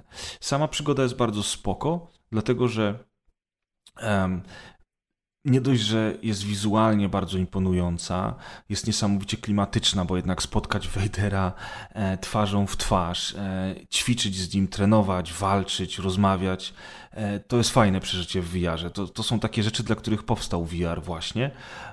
I jest bardzo dużo różnych takich, powiedzmy, mini gier, które się robi w trakcie, w tych trzech odcinków od walki mieczem świetnym, postrzelanie, jakieś tam, jakieś tam latanie małymi stateczkami, na których się oczywiście jest zazwyczaj w formie widza e, bardziej niż cokolwiek innego, bo to jest taki walking simulator po prostu, w którym bardzo wiele rzeczy o sobie możemy zaobserwować. Mm, ogólnie te minigierki są liczne, ale są raczej słabe. Mamy jakieś pościgi ze stormtrooperami, do których musimy strzelać albo zrzucać ich mocą. Mamy walkę z TIE Fighterem, kiedy my jesteśmy po prostu na piechotę, że tak powiem, i walczymy w hangarze z TIE Fighterem, ale to jest akurat spoko walka. Jakieś walki na miecze świetne z robotami i tak naprawdę każda ta sekwencja akcji jest inna, ale one są trochę proste. One są proste dlatego, że ta gra po prostu została stworzona po to, żeby każdy mógł sobie w nią zagrać, każdy miłośnik Gwiezdnych Wojen, który niekoniecznie jest wyjadaczem w gry wideo, żeby po prostu mógł się dobrze bawić. I faktycznie jest to całkiem dobra zabawa, chociaż z odcinka na odcinek jakość trochę spada. A finał jest wręcz e, zawodem. Jak ja tam... No, no, dokładnie. dokładnie tak. Finał... No i w ten finał jest niestety do, dosyć, dosyć sporym zawodem. Całość kosztuje 30 euro i wiem, że ludzie narzekali, no, że jak to, no trzy odcinki, ten najdłuższy trwa niecałą godzinę, pozostałe trwają tam po 30 minut. Jak to oni mają za trzy odcinki zapłacić 30 euro? Ja uważam, że to jest spoko cena, bo to jest zupełnie nowa technologia, zupełnie nowe um, wydarzenie i tam widać, że jest bardzo wysoka jakość produkcji od aktorów po muzykę, po wszystko. I jeżeli ktoś jest fanem Gwiezdnych Wojen, to powinien się tym Vader Immortal zainteresować. A dla mnie to jest taki bodziec, żeby faktycznie już pod koniec roku na święta może sprawić sobie tego Oculus Quest 2, bo tego typu gier jak Vader Immortal jest coraz więcej i chciałbym po prostu je poznać. Dla mnie to jest, to jest prawdziwy next gen, który teraz jest na wyciągnięcie ręki, no bo Oculus Quest 2 kosztuje 1400 zł. To nie są mm. duże pieniądze za taką technologię. Trzeba zwłaszcza sprzedać że... duszę Facebookowi. No tak, niestety trzeba mieć konto, niestety trzeba mieć konto na Facebooku, żeby to obsługiwać. E, ale bardzo mnie cieszy to, że tam już jakby to jest sprzęt przenośny i możesz grać w ogóle totalnie mobilnie, ale jeżeli chcesz mieć większą wydajność, czy zagrać w niektóre gry, które nie są wbudowane w ten zestaw, czy takie jak chociażby, nie wiem, Dirt Rally 2.0 albo Star Wars Squadrons. Wszystko, co na PC jest, na VR tak, PC-owym. To. to podłączasz się do komputera przez Wi-Fi. Mhm. I to jest mega wygodna opcja. I wtedy masz większą wydajność, lepszy obraz i możesz grać w te wszystkie gry z peceta. Ja na pewno będę chciał zagrać chociażby w Alix, bo słyszałem same dobre rzeczy na temat tej gry. E, sam Maciek bardzo chwaliłeś przecież swego mm -hmm. czasu. E, I także Ale da tak... się w Alixa jakoś zagrać? Tak. Da się. Jak go podłączysz do peceta oczywiście. Jesteście pewni? Nie. A czemu miałby się nie Nie, da się chyba, chyba we wszystko się da, bo po prostu te gogle się podłączają pod Steam VR i jest pełna kompatybilność, czy po kablu, czy właśnie bezprzewodowo. No okej, okay, skoro tak mówicie. No. Ale jestem, jestem, jestem strasznie znowu wkręcony w tego wiara. Ja wiem, że ja tak raz na, na kilka lat po niego sięgam e, i, i wtedy się trochę po, po, poekscytuję, a potem już stwierdzam, że w sumie to, to jeszcze nie jest ten moment. A teraz wreszcie stwierdziłem, że to jest ten moment. Nie no, Quest 2 zdecydowanie był takim no. momentem, że te gogle już są i tanie, i, i wygodne, i mają dobrą jakość obrazu i tak dalej, więc no, pograłem jeszcze chwilę Maćków w Squadrons właśnie na VR-ze i e, z, normalnie wiesz, z Joyem i tak dalej i po prostu to, to już jest ten, ten wypasiony moment. Się mówi. I nie blood, tylko. Ładnie. Tak, tak. W każdym razie, e, w każdym razie mega. To na mega Hotasie to grałeś nawet, tak. Grałem na Hotasie. Hotas to już jest dla mnie za, za, za, za duża na, zabawka. That's what she said. Ale ten, ale Hotas już nie. Ale ja mam takiego fajnego Joya, że sobie chętnie pogram w coś właśnie na nim i dlatego ten VR chętnie sobie sprawię. Natomiast. Yy, rzeczywiście nawet bardziej się cieszę, że będę grał na PC w tego typu gry, bo jednak mnie to bardziej rajcuje, jak na przykład możesz sobie w rajdówce albo w Project Cars pojeździć na siedząco, bo z tym Vaderem było tak, że musisz grać na stojąco. I to wcale nie jest wygodne bo, no bo to jednak jest trochę męczące. Zwłaszcza, że tam to nie jest, kurczę, Beat Saber, że musisz się ruszać dużo i tak dalej, tylko to jest taka gra, w której bardzo często obserwujesz, co się dzieje, słuchasz dialogów i tak stoisz i stoisz i to po prostu męczy, zwłaszcza, że... No, jak nie jesteś bardzo wciągnięty, tak jak w Half-Life właśnie, tylko coś tak. oglądasz i tak się nudzisz lekko, to wtedy tak, to to stanie jest Przypominasz sobie kwestia... o tym, że stoisz i No, no, to nawet, nie jest kwestia, to nawet nie jest kwestia nudzenia się, tylko właśnie tego, że mało co robisz w ogóle w tych sekwencjach. I na przykład postanowiłem usiąść sobie yy, i grać na fotelu w to. Stwierdziłem, no dobra, no będę, będę po prostu, będę takim Hanem Solo yy, z tego, z Shire, nie? ale, ale ostatecznie jak, jak usiadłem, to się okazało, że jestem na wysokości zadania Wejdera, centralnie przed jego pindolem i stwierdziłem, że chyba jednak Idealna wstanę. Idealna pozycja. chyba jednak wstanę. Dagger! No. Ale tak, ale te Squadronsy, czy, czy Project Carsy, czy tego typu gry na siedząco w takim wiarze to może być naprawdę fajna zabawa. No, więc... wyścigówki tak, szczególnie, tylko to kierownicę na... trzeba kupić i wtedy jest... Nie, na padzie, nie, na padzie. to już jest słabo. Daj Gdybym spokój. ja był większym fanem wyścigówek, to bym sobie kupił jakąś kierownicę nawet tam, nie wiem, za, za 3-4 stówy. wystarczy, że mam joystick, a ty jeszcze mi chcesz kierownicę. Ale wiesz, Paweł ma kierownicę. To... Przy kierownicy o. za 3 stówy to faktycznie lepiej grać na padzie. No widzisz. O, Chyba, że Paweł przyjedziesz do mnie i zagramy w Dagger razem. O, nie. Bez wiara? Możesz założyć gogle, jak się brzydzisz. tak, możesz, dokładnie. Maciek, to masz łeb jednak. Mam. No, no, ty, wiesz, jak, ty wiesz, jak ściągać tych ludzi do chaty, nie? Po to mam gogle. Dlatego ja raz spróbowałem VR u Maćka, więc nie chcę. Bo Adek ma wymioty od razu, nie wiem o co chodzi. Jezus. się krztusi od razu. Przepraszamy za dzisiejszy odcinek. To przez Pawła. To, to, to przez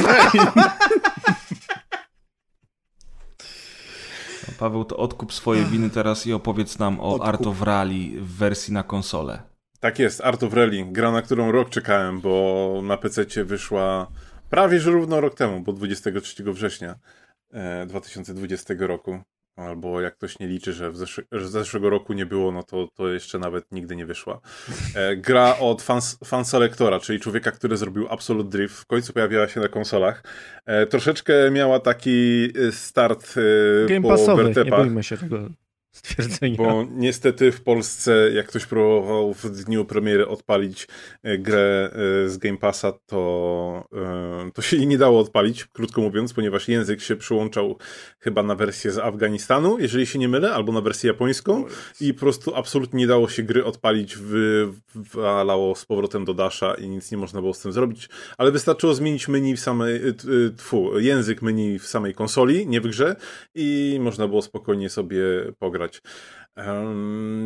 gra, znaczy port jest e, jeszcze troszeczkę moim zdaniem kulejący. Znaczy teraz już po tych pierwszych patchach jest lepiej, ale na początku było e, no gdzieś tam nawet na Series Xie e, wszystko się tam dorysowywało trochę, grafika potrafiła chrupać i tu było też wielkie zaskoczenie, bo, bo jak się patrzy na screeny tej gry, to niektórzy są zdziwieni, jak, jak taka gra, która wygląda jak tak jak zapamiętaliśmy, nie wiem, Micro Machines może, może chrupać, ale tam są jednak efekty świetne, tam sporo się dzieje.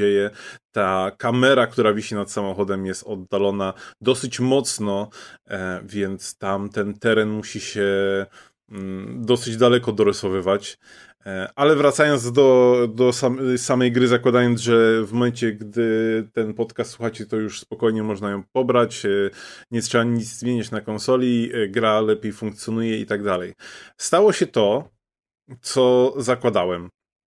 Czyli e, grafika, znaczy art style gry bardzo zasugerował ludziom, jaka to powinna być gra. Mm -hmm. Czyli ludzie spodziewali się stuprocentowego arcade'owego, e, arkadowej ścigałki, gdzie będą power-upy, turbo i drifty przez 15 minut i tak dalej. I niestety e, bardzo dużo osób do mnie e, pisało i na Twitterze też pisało, jak czytałem, że w ogóle nie wiedzą o co chodzi, bo przecież tu się tylko ściga i tu się tylko jedzie i nic więcej, przecież w tej grze nic więcej nie ma. I ja takim zdziwionym e, zawsze tonem odpisywałem, no ale czego się spodziewałeś? No to jest po prostu gra o wyścigach rajdowych. Tu ścigasz się sam i bardziej twoim przeciwnikiem jest, jest tor, znaczy nie tor, tylko trasa i, i nic więcej, no tutaj... No... A gdzie jest ubieranie awatara, gdzie jest koło fortuny z losowaniem samochodu? Właśnie, właśnie. No to właśnie nie jest, taka, nie, jest taka, nie jest taka gra, natomiast y, to, w jakim ona stylu jest zrobiona. I mimo to, że nie ma licencji, to bardzo łatwo można rozpoznać, bo te samochody są praktycznie no, wiernymi kopiami oryginałów i mamy tutaj i Audi, i Lancia, i Alpine, i Skody, i po prostu cały przekrój tych legendarnych samochodów z grupy B i, i innych samochodów. Są też samochody niespodzianki, ale nie chcę spoilować, bo naprawdę warto sobie sprawdzić. E, nawet możecie sobie wejść od razu w wybór samochodów i tam naprawdę można się zdziwić, jakie samochody samochody można odblokować. Jest co robić, bo e, razem z premierą konsolową praktycznie zbiegła się nowa trasa, która jest w Kenii, która jest prześliczna. Po prostu te zachody słońca, e, te, te piaski, ten, ten, ten żółty taki kolor przybijający się przez zachód słońca jest po prostu fantastyczny. Ja tą grą jestem oczarowany. To jest dokładnie to, na co czekałem. Wiedziałem, na co będę czekać i w to, co chciałem zagrać. Ten artstyle mi się szalenie podoba. To jest w ogóle generator tapet, bo jest pełny photomode. Brakuje tylko tam motion blura jeszcze, tylko żeby można było sobie wrzucić, żeby, żeby dodać większej dynamiki do tych, do tych ujęć. Ale to jest taka gra dla mnie to jest taka gra zen, tylko że taka gra zen, że mimo wszystko muszę być wypoczęty, bo jednak trzeba się tam skupić, bo um, wiele recenzji się um, sugeruje i sami piszą, że styl jest mocno arkadowy, a on nie jest taki do końca arkadowy. To nie jest tak właśnie, że e, mimo tych wszystkich wspomagaczy, którzy są w tej, w tej grze, bo można sobie tam ustawić różne e, kontrole trakcji i wspomagania i tak dalej, to nie jest taka banalna gra, że po prostu usiądziecie, przyjedziecie sobie odcinek, który ma 5 minut i, i, nie wylądujecie na żadnym drzewie. Jednak troszeczkę trzeba się z tym stylem jazdy zapoznać. Te samochodziki, chociaż są śliczne i urocze, to też prowadzą się zupełnie inaczej. W sensie każdy z nich prowadzi się zupełnie inaczej i czuć tą różnicę, jeżeli dostaniemy samochód z napędem, nie wiem, na cztery koła, czy na, na tył, samochód, który jest mocniejszy, słabszy, e, który wiemy, że powinien być cięższy, to jest cięższy i to jest zbalansowane fantastycznie, naprawdę. Ja dawno nie miałem e, takiej ogromnej przyjemności z gry motoryzacyjnej. Nie wiem, czy w tym roku miałem przyjemność jakąś taką z gry motoryzacyjnej, jak miałem e, z właśnie z Art of Rally. Wliczam to w najnowsze F1, bo po F1 totalnie wiedziałem, czego mogę się spodziewać, że to po prostu będzie gra z odświeżoną e, e, stajnią bolidów i to w zasadzie, w zasadzie tyle. Natomiast tutaj jest dla mnie, moim zdaniem, powiew świeżości właśnie przez tą taką mylącą grafikę, przez to niesamowite ujęcie, które jest takie bardzo mocno oddalone, przez te ludziki, którzy, które wyglądają jak ucięte zapałki, które tam uciekają i ich się nie da potrącić, e, ale gdzieś tam na tej trasie stoją i no naprawdę jest, jest co robić, bo tak, nie ma co prawda trybu multiplayer, ale są um, leaderboardsy, e, a to jest moim zdaniem gra bardzo skillowa, więc tutaj jednak e, można się ze znajomymi troszeczkę na na czasy po, pościgać. Brakuje mi jednak jakiegoś multiplayera, takiego chociażby, że można było sobie z kimś, e, e, nawet żeby to był duch po prostu czyjś odpalony, ale w sensie w czasie rzeczywistym, że można było sobie pograć. Może jeżeli gra będzie miała większy jakiś sukces i, i zarobi, to, to to będzie jakoś dalej rozwinięte. Ja w to dalej wierzę, bo pamiętam jak ta gra wyglądała w ogóle w wersji alfa, bo miałem tą przyjemność, że, że twórca tej gry dał mi dostęp po tym, jak e, napisałem kilka dobrych recenzji jego poprzedniej, e, e, o jego poprzedniej grze, czyli Absolute Drift którą też uważam za niesamowitą, niesamowitą grę, to, to jak Art of Rally miało wyglądać w pierwowzorze, i jak ja zobaczyłem, jaką drogę y, to, ta, ta gra przeszła przez te, przez te parę lat, to naprawdę jest e, niebo a ziemia. I to, co udało mu się zrobić z tym, e, on już teraz chyba nie działa w pojedynkę, on tam już ma więcej osób w tym swoim zespole, no to jest to jest małe dzieło sztuki. To jest gra, w którą e, raz, że skoro jest w Game Passie, to nic nie stracicie, jeżeli sobie ją sprawdzicie. Um, nie jest też jakoś szalenie droga, bo ona jest w granicach 90 zł, jeżeli się nie mylę, a za ilość kontentu, która w niej jest, to zdecydowanie, zdecydowanie warto. Um, zakładam, że będzie jeszcze rozwijana, bo, e, bo fan selektor lubi dopieszczać te swoje tytuły i strasznie się tym jara. Um, a jeżeli wam się nie spodoba, to w najgorszym wypadku zrobicie sobie nowe genialne tapety na telefon, na komórkę czy na, na, na cokolwiek. E, trasy są w Finlandii, w Japonii, w Niemczech, w Kenii, jak wspominałem, Norwegia chyba też jest, są różne Polska. warunki pogodowe. Nie, no bez przesady. Jest Polska. Jak? Warto Oczywiście, że jest Polska. To ja nie, to powiem ci, że nie spotkałem się z polską a, Art of A nie, a nie była w tym drugim, co myśmy w, absolut, w tym Hyperdrift, coś tam, coś tam Star, to co graliśmy, te samochodziki. To nie tam Te samochodziki Polska? driftowe też miały Polskę, ale jestem przekonany, że w Art of Rally też jest Polska. To powiem ci, jeżeli jest Polska, to Zaraz to jest, będzie jedyny, jedyna plansza, która nie miała swojego własnego achievementa, bo tam było na przykład e, przejeść się włoskim samochodem po, po Włoszech, e, niemieckim po Niemczech, japońskim po Japonii. E, aha, tak. A, tak. możliwe, że ja Polskim pierdzielę. po Polsce to faktycznie nie ma achievementa, nie? możliwe, możliwe że, że Maciek ma rację niestety i że to było w tamtej grze Star, Star Drift, Drift Evolution. Evolution tak. No. Tam była Polska. Czyli Ale Star tak. jest lepszy. O, no i pozamiatane. Dzięki Paweł. No spoko, dobra, miło było, to do zobaczenia. Musimy okay. napisać no do wydawcy, znaczy do, do, do twórcy, że Paweł już nie lubi igier. I że lepiej, żeby dodali Polskę, bo... Bo ich dojedzie. Dajcie Polskę, no. tak. Jezus. Najadę. Najadę. Yy, I to w zasadzie w zasadzie tyle, bo gra już jest znana, kto, jeżeli ktoś e, obcuje z pecetami i grami motoryzacyjnymi, to tyle, mm, to ją już zna i wie, czego się spodziewać. Natomiast e, w tym roku będzie jeszcze jedno takie zaskoczenie, czyli będzie jeszcze gra, mam nadzieję, że w tym roku, Circuit Superstars, która już bardzo dobrze śmiga na, na Steamie i można ją kupić tam w jakiejś tej wersji alfa czy coś, ale, ale też właśnie ma taką słodziutką grafikę, taką cukierkową. Mm. Te samochodziki są takie jeszcze bardziej e, przekoloryzowane, bo są troszeczkę takie krótsze, takie już typowo jak Micro Machines, a jednak mocno jest gra skillowa i e, też są pit stopy, zmiana opon, e, m, mm, trzeba dbać o paliwo i tak dalej, więc myślę, że będzie dokładnie taki sam płacz jak w przypadku... To taki false advertising. Co to jest? To nie miał być symulator. No właśnie, symulator nie jest... może tak wyglądać słodziutko. Ale to jest właśnie fajne, że wiesz, że, że w końcu pojawiła się gra z taką, z takim art stylem, która e, jakiś robi troszeczkę, wiadomo, to nie jest pełny symulator i chyba bym nie odpalał e, Art of Rally na, na, e, na kierownicy, ale no, że jest jakaś gra, która wiesz, próbuje czegoś innego i faktycznie jej się to udaje i jeżeli macie dostęp do Game Passa, to w 100% polecam i, i warto sobie zagrać. Ja też polecam. Ja ogrywałem wersję PC, tam nie było takich problemów. Zresztą opowiadałem o niej jakiś czas temu na rozgrywce. I faktycznie to jest tak, taka gra zen, jak mówisz, Paweł. E... Ale teraz są problemy w wersji e, tej Xboxowej, Windows Store'owej, w sensie PC-owej. Naprawdę? Tak, też były problemy na PC niestety, Kurczę. więc podejrzewam, że przy okazji tego builda coś tam się popsuło. To niedobrze, to niedobrze, ale ogólnie rzecz biorąc łatają na bieżąco, więc dajcie tej grze szansę, bo ona jest naprawdę dobra. A ja wam teraz opowiem o grze, której ja dałem szansę i nazywa się ona Ratchet Clank Rift Apart. Oczywiście z tym daniem szansy to żartuję, bardzo chciałem w to zagrać, dlatego że wersję z 2016 roku uwielbiam i świetnie się z nią bawiłem. Od niedawno nawet sobie obejrzałem film, bo akurat jest na Netflixie.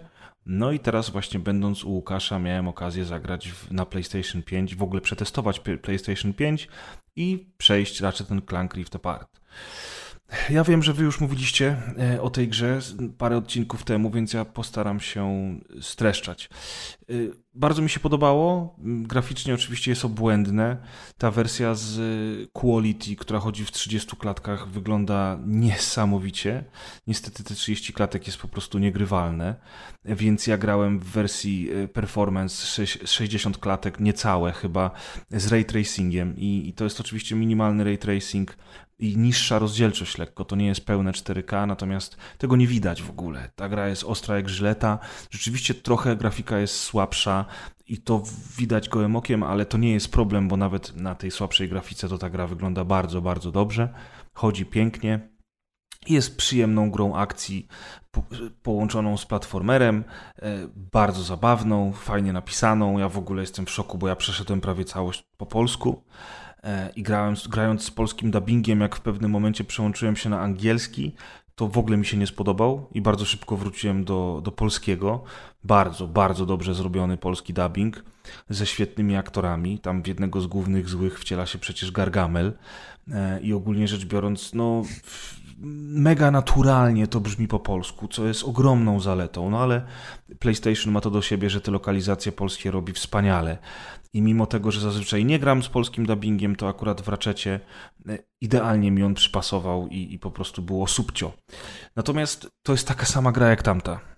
I tu jest tak mało różnic, a mam wrażenie, że wręcz jest mniej różnorodna niż tamta, że jednak przechodząc tę grę miałem wrażenie takiego takiej powtórki z rozrywki, ale w tym negatywnym sensie, że w pewnym momencie już miałem trochę dosyć, bo owszem, to jest mega fajne, yy, miodnie się strzela i walczy, chociaż jest problem z, jest problem z, z, z jak to się mówi, z poziomem trudności. Brakuje mi słowa, pomóżcie mi, co, się, co, co jest z poziomem trudności. Skalowanie? No, chyba skalowanie, tak? Że, że, że rosnący czy malejący? Nie, że, że, że walka z. No, że, że, nierówny jest. Jest nierówny, o. Poziom trudności jest nierówny, ta gra jest bardzo często. Jest zbyt łatwa ta gra. I to zarówno w walce, jak yy, i w platformowych elementach. Najciekawsze zagadki, najciekawsze elementy platformowe są tylko i wyłącznie w ukrytych etapach, czyli w tych riftach, do których się wchodzi, żeby znaleźć na przykład nowe buty albo, albo nowy pancerz. I, i szkoda wielka, bo one nie są tak skomplikowane, żeby nie można było tego dać w głównej grze, a mam wrażenie, że ta kampania jest uproszczona do granic możliwości, żeby każdy jeden, który kupi PlayStation, był w stanie sobie e, tę grę bez problemu przejść. I trochę szkoda, bo nie wiem, czy mówiliście to a propos riftów przy okazji omawiania gry wcześniej, ale te rifty to jest ściema. To jest chwyt marketingowy i owszem, są dyski SSD i to świetnie chodzi, ale te rifty to jest bzdura. To jest, to jest kłamstwo. Masz kilka, dosłownie kilka sekwencji oskryptowanych, podczas których rzeczywiście przeskakujesz pomiędzy wymiarami. To wygląda przecudownie, chodzi jeszcze lepiej, ale w samej grze riftów praktycznie nie ma. Rifty są tylko drzwiami do, e, do ukrytych właśnie pokojów, gdzie znajduje się znajdźki, znaczy elementy pancerza. Mm, rifty są, służą jako, jako miejsca, do których możemy się przyciągnąć i to ładnie wygląda oczywiście, ale to jest przyciągnięcie się w ramach tej samej lokacji. E, I rifty służą też e, jakby do zmiany mm, wymiaru, w którym się poruszamy, ale to działa w ten sposób, że jak uderzymy w taki kryształ, to mapa nam się świata zmienia e, że nagle jesteśmy na tej samej planecie, ale w innej rzeczywistości. I na przykład na jednej planecie mamy piękną bazę kosmiczną na meteorycie, a na drugiej okazuje się, że wszystko jest zniszczone, zawalone i dzięki temu na przykład są powybijane okna, dzięki którym przedostajemy się dalej i tak się przełączamy między jednym a drugim światem, ale to już było w latach 90. w Soul Riverze. Więc całe to pierdolenie o tej wspaniałej, nowoczesnej technologii, którym karmili nas marketingowcy, było zwykłym kłamstwem. I niestety raczej ten Clank, poza tym, że oczywiście wygląda jak milion dolarów, nie oferuje niczego zaskakującego. W związku z czym ja się bawiłem bardzo dobrze, chociaż im dalej w las, tym było gorzej, bo twórcy postanowili, że przeciągną końcówkę na maksa.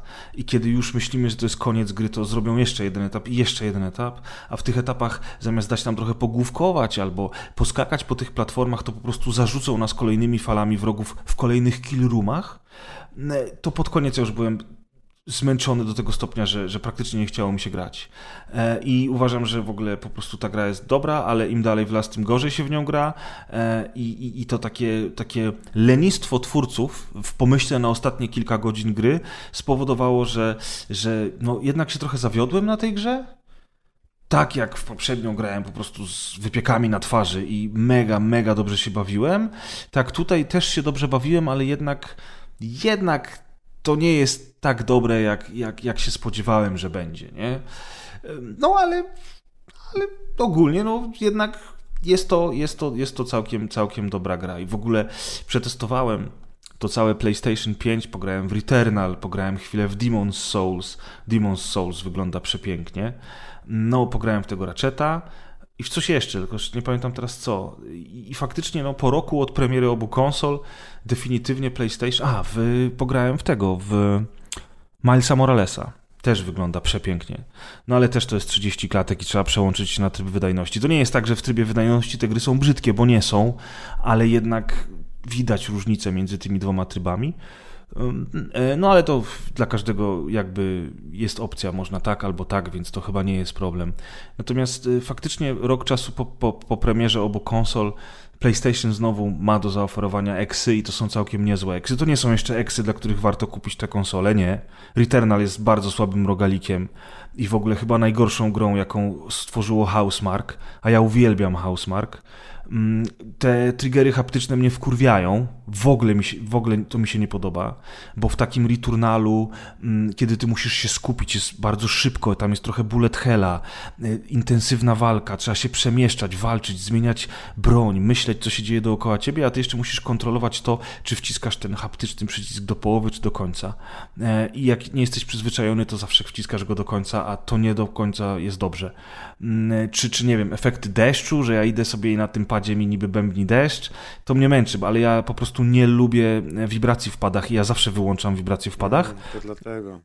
Tak, więc to wszystko, co robi ten haptyczny kontroler, że na przykład jak sobie idziesz tym ratchetem i jak idziesz powoli, to czujesz, że ten kontroler ci wibruje z każdym postawionym krokiem, to w ogóle mnie nie rajcuje, wręcz przeciwnie. A niestety wciskanie tych przycisków do połowy jest dla mnie bardzo nieintuicyjne tym bardziej, że na przykład w niektórych broniach przyciskając prawy do połowy po prostu przycelowywujesz, czyli robisz dokładnie to samo, co się robi lewym.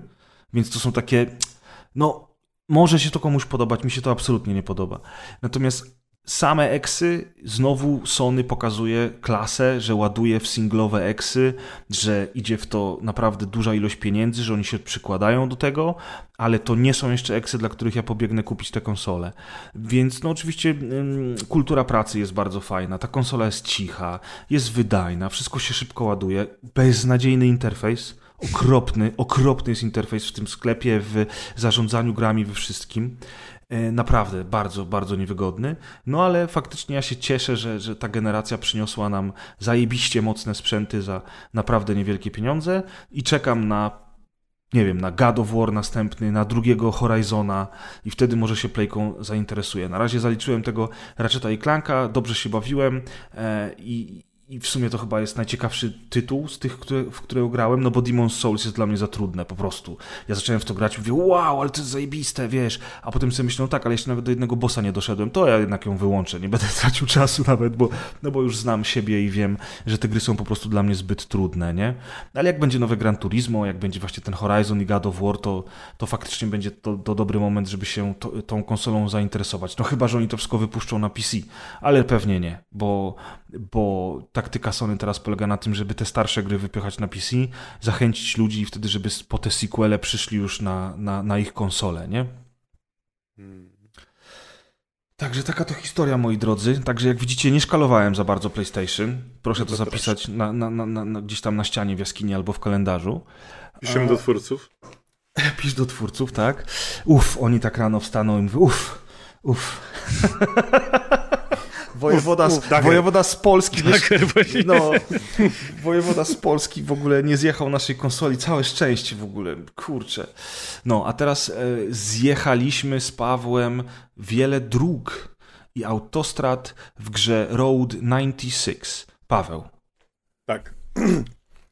e, gra, która pojawiła się i na PC, i na Switchu.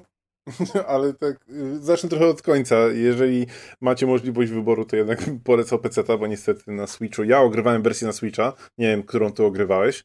Na PC. Na PC. O, no to się dobrze składa, bo niestety wiem, jak ta gra potrafi wyglądać. E, natomiast ja ogrywałem wersję na Switchu i wygląda o wiele, wiele, wiele, wiele, wiele gorzej. Natomiast broni się wszystkim innym, bo to jest gra o pewnym e, kraju, w którym e, rząd prowadzi bardzo dziwną politykę. E, nie, nie ludzi. jest to Polska. no właśnie. ale tak, blisko. ale, ale też na P. Mhm. To jest chyba Petria, czy tak, jakoś Petria. tak I tam, tam tyle tych motywów politycznych jest zbieżnych z tym, co się teraz dzieje, że ja naprawdę w pewnym momencie byłem e, mocno zaskoczony i zastanawiałem się, czy ta gra nie została gdzieś zrobiona na E, zainspirowana obecnymi wydarzeniami w pewnym kraju na P. E, ale akcja dzieje się w 96 roku, więc jest taki vibe lat 90. Ten art style też jest taki chyba najbliżej z takich um, popularnych gier mu do um, o rany, wyleciał, do Firewatcha właśnie, dziękuję. Wyleciało mi z głowy. I najciekawsze co jest w tej grze, że wydarzenia, które się w niej dzieją, są generowane proceduralnie. I to jest e, ten selling point, który do mnie najbardziej trafił, bo dawno już nie widziałem gry przygodowej, w której historia jest generowana, znaczy wydarzenia w historii są generowane proceduralnie i byłem strasznie się. ciekaw, jak to zostało zrobione. Na tym, w tym momencie, bo ja mam szczere wątpliwości co do tego, że to jest proceduralne, dlatego że to znowu jest gadka marketingowców. Tymczasem wszystkie sceny, które odgrywasz z tymi postaciami, jako, różni, jako różni nastolatkowie, nastolatkowie, w których się wcielasz, mhm. wydaje mi się, że one są z, z, nagrane już wcześniej, tylko one są po prostu, te sceny są po prostu losowo pakowane w losowe mm, postacie, którymi grasz i odkrywasz każ każdej z tych postaci, które poznajesz, te, te, ten procent takiej wiedzy na ich temat. Nie, że tam te kółka, tych, te ikonki, tak, tak. Tych, tych postaci, które spotykasz się, zapełniają, że masz jakby jak najwięcej wiedzy na ich temat, czy jak najwięcej wydarzeń, które się dzieją właśnie z nimi. I mi się wydaje, że to nie jest tak, że te scenki, które my odgrywamy, są e, proceduralnie generowane.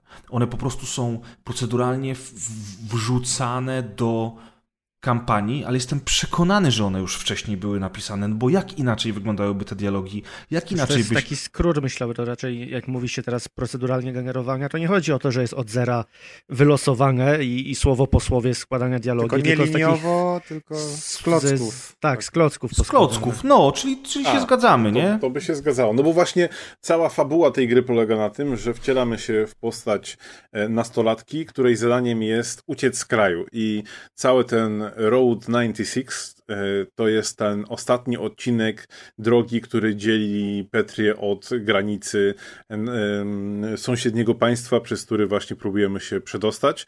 To państwo I... to Niemcy, a ta gra się dzieje w Polsce. Yep.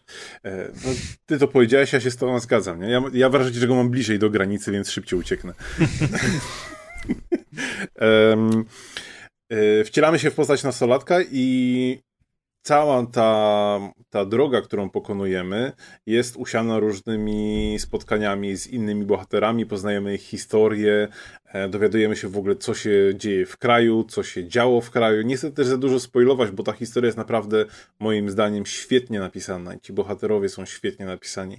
Te dialogi są też bardzo, e, bardzo fajne i takie, że faktycznie można się wczuć e, w rolę tych, tych różnych bohaterów i tam każdy z nich przeżywa jakieś różne perypetie od bardzo pierdołowatych problemów e, e, pierwszego świata po naprawdę jakieś tam grube rozterki i, i rozkminy. Natomiast nie jest powiedziane, że my w ogóle a, dotrzemy do tej granicy, b, przejdziemy przez tą granicę. I jeżeli nam się nie uda tego zrobić, to zaczynamy grę nową postacią, inną nastolatką i też y, zaczynamy w zupełnie innym miejscu państwa, więc to nie jest ta sama droga. No i możemy spotykać y, tych samych bohaterów, ale inne rzeczy będą się z nimi działy. I teraz każde spotkanie może nam coś dać, bo każda wiedza zdobyta o tych bohaterach, którzy się przewijają przez tą grę, może nam dać jakieś dodatkowe umiejętności. Na przykład Jeden mogę zdradzić, że to jest, e, dostajemy umiejętność otwierania sejfów. I teraz, jeżeli zginiemy postacią swoją drugą, trzecią czy czwartą, to za piątym razem możemy trafić na przykład na sejf, który już możemy sobie otworzyć i w tym sejfie mogą być jakieś przedmioty, które mogą nam się przydać w jakichś różnych e, scenach, przypadkach lub przy samym przejściu granicznym i e, no mogą się przydać. Tak, i tylko, że to jest, to jest tak też, że niektóre z tych przedmiotów tylko jedno z tych dzieci będzie posiadało. Jeżeli skończymy jego przygodę i zaczniemy kolejnym nastolatkiem przygodę, to nie będziemy posiadali tych rzeczy. Bardziej umiejętności, umiejętności. Niż, niż przedmioty. Tak. To nie chodzi o to, że na przykład znajdziemy kluczyki i, i będziemy mieć kluczyki, tylko bardziej, że właśnie jakąś umiejętność posiądziemy dzięki poznaniu historii jakiegoś bohatera i, i dzięki temu będziemy mogli na przykład właśnie otwierać te, te jakieś tam sejfy.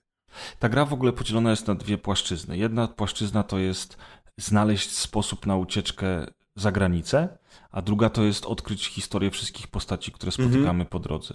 teraz niezależnie od tego, jakim dzieciakiem będziemy grali, zawsze będziemy spotykali te same osoby, tylko w różnej kolejności i będziemy oglądali inne wydarzenia z nimi.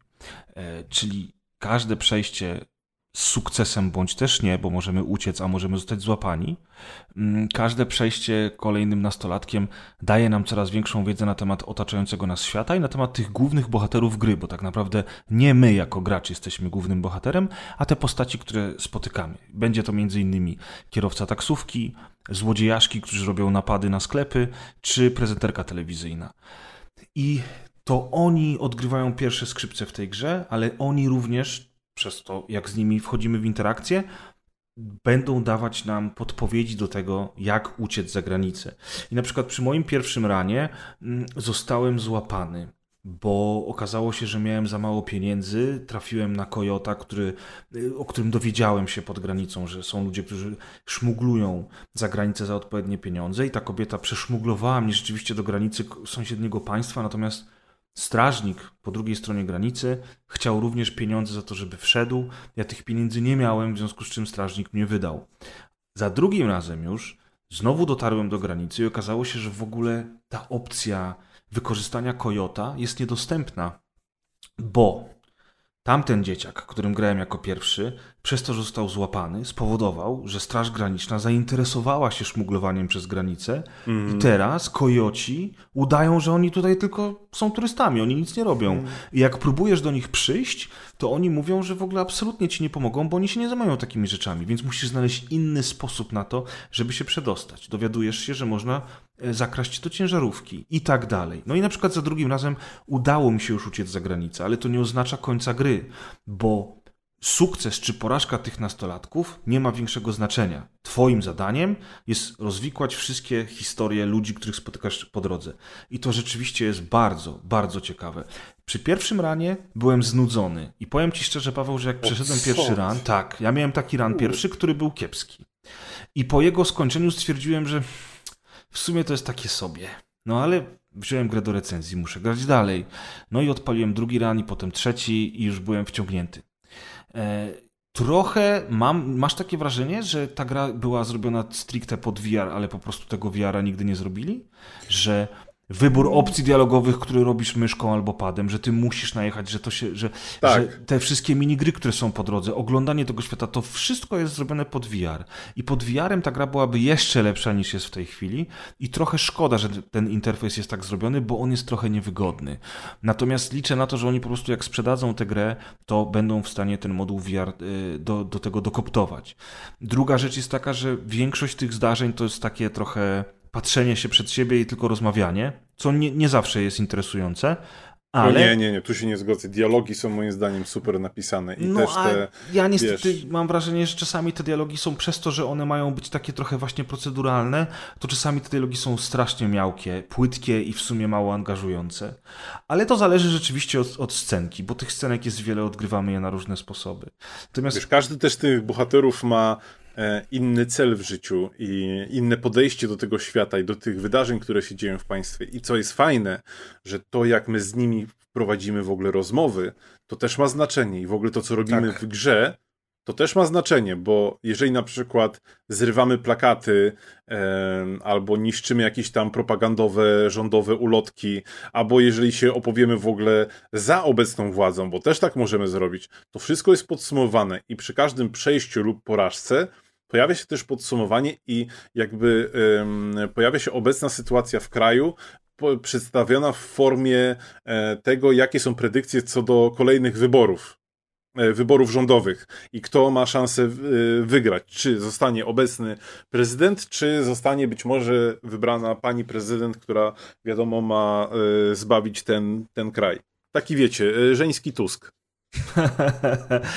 I generalnie rzecz biorąc, chciałem tylko jeszcze powiedzieć, że na szczęście niektóre z tych sekwencji są troszeczkę bardziej angażujące nas gameplayowo, bo zdecydowana większość to jest siedzenie na, na dupie i rozmawianie, ale są takie sekwencje jak na przykład kiedy musimy zdobyć y, kluczyki do wozu policyjnego, żeby uratować pewną osobę i żeby te kluczyki zdobyć to musimy y, jakoś odwrócić uwagę tych policjantów, no i musimy po prostu chodząc wokół stacji benzynowej wpaść na to, E, jak podpalić ognisko za, za stacją benzynową, żeby ci policjanci w tamtą stronę poszli. To nie jest, to nie jest skomplikowane, to nie jest rozbudowane, ale to zawsze daje jakiś taki, e, jakiś taki większy fan z tej gry, że czasami po prostu inne rzeczy robimy. Są też minigry, jest na przykład jakieś tam granie w te takie, nie wiem czy Paweł trafiłeś na to, jak jedziesz w autobusie z tą dziewczyną, z tą koleżanką taką rudą, mhm. rudowłosą i gracie nie, nie, ja nie grałem z nią w czołgi, tylko grałem o. w te takie, w te, w, graliśmy w te takie, wiesz, że wrzucasz te takie um, dyski czerwone, niebieskie i kto pierwszy cztery ułoży pod skosie albo pionowo, albo poziomo, to wygrywa. A widzisz, a ja w czołgi grałem z nią. No, czyli, czyli jakieś tam różnice są, ale w autobusie graliście w czołgi na konsoli jak?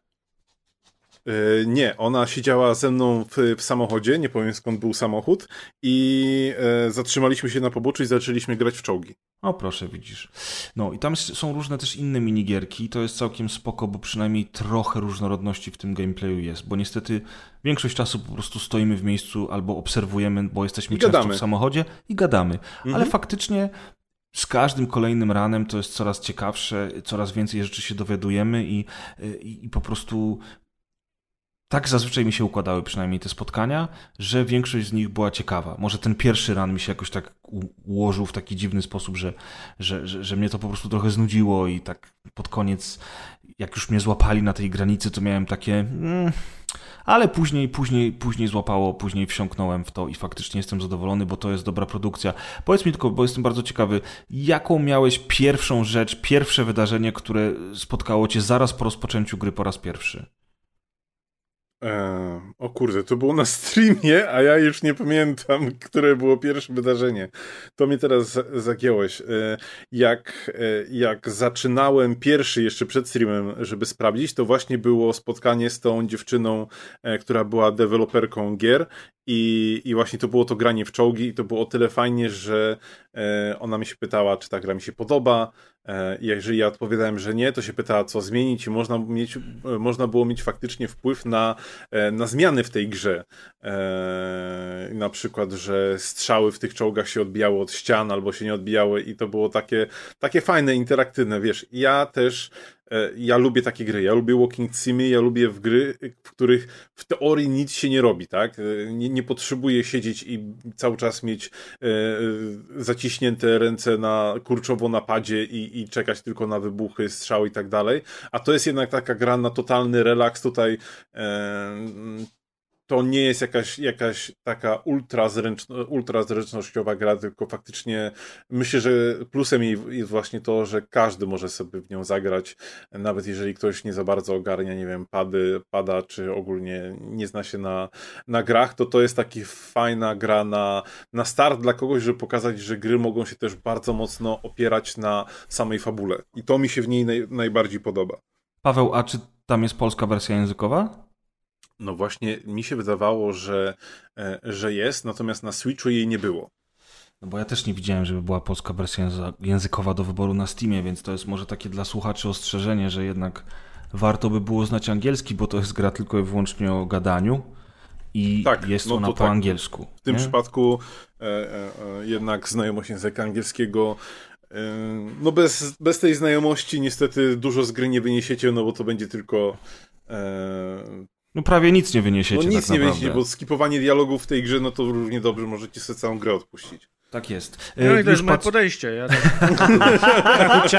i no, i, na, I następna gra, cyk. I, I, wpisane na listę. Gry zaliczone w 2021. Atek 150.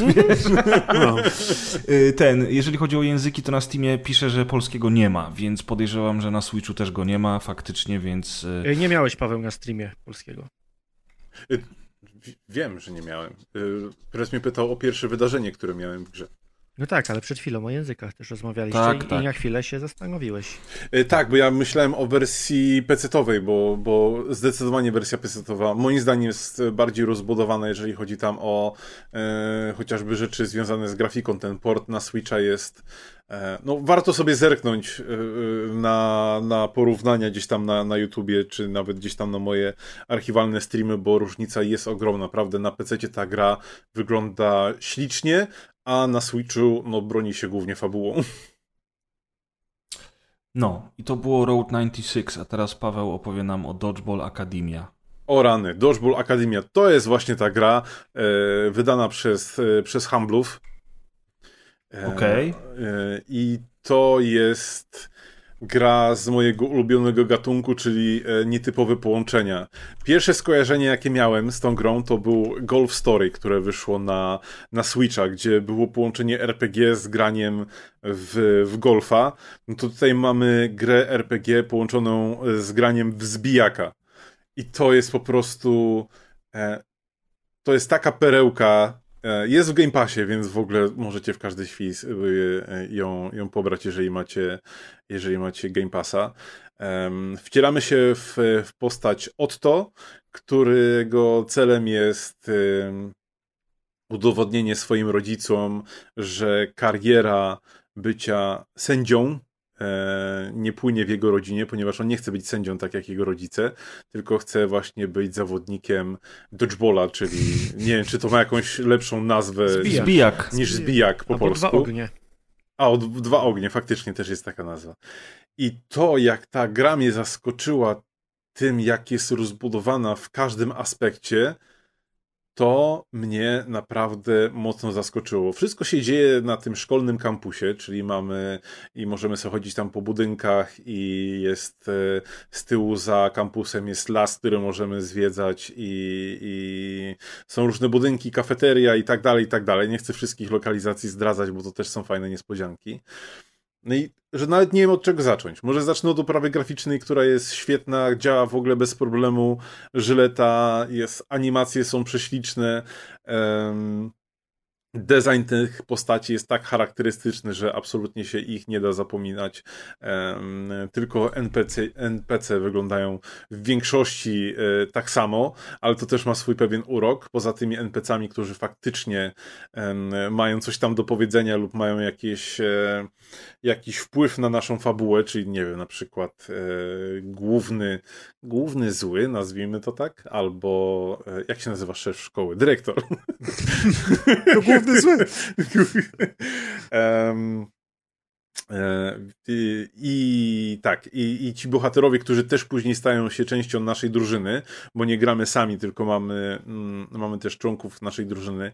Wszystkich możemy usprawniać. Każdy ma jakiś swój tam rzut specjalny, czy jakiś blok, czy, e, czy cios specjalny tego jest po prostu multum. Są gdzieś tam itemy do zbierania. Można mieć boisko, które też wpływa na naszą grę, bo na przykład dostajemy do dyspozycji piłki, które, e, które gdzieś tam albo zamrażają, albo przyklejają gracza do, do podłoża. Jest jedna arena czy tam boisko, które, którego miejsce jest na parkingu, więc samochody tam jeżdżą i nie dość, że musimy uważać, żeby nie dostać piłką w ryja, to jeszcze musimy uważać, żeby nas samochód nie potrącił, albo możemy specjalnie robić tak, żeby nasz przeciwnik dostał e, w czambuło piłką i jeszcze go, żeby samochód na końcu potrącił. I to po prostu e, tutaj cały czas się coś dzieje.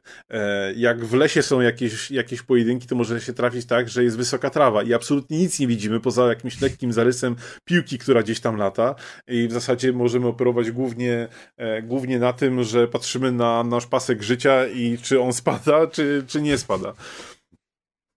Naprawdę w tej grze dzieje się bardzo dużo. Ta historia jest bardzo fajnie napisana. Te dialogi też są e, prześmieszne i, i grało mi się w to e, fantastycznie. Nie jest długa ta gra. Wymaksowanie jej to jest jakieś 15 godzin.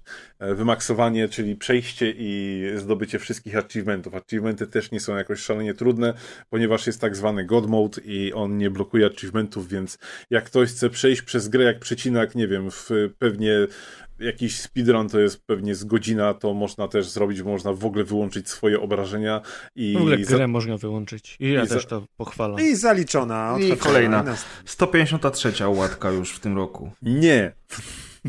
Nie, w to no. macie zagrać. To jest fajna gra. Zrobiłem z niej kilka streamów i za każdym razem bawiłem się fantastycznie. Gdzieś tam siedziałem po nocach i grałem.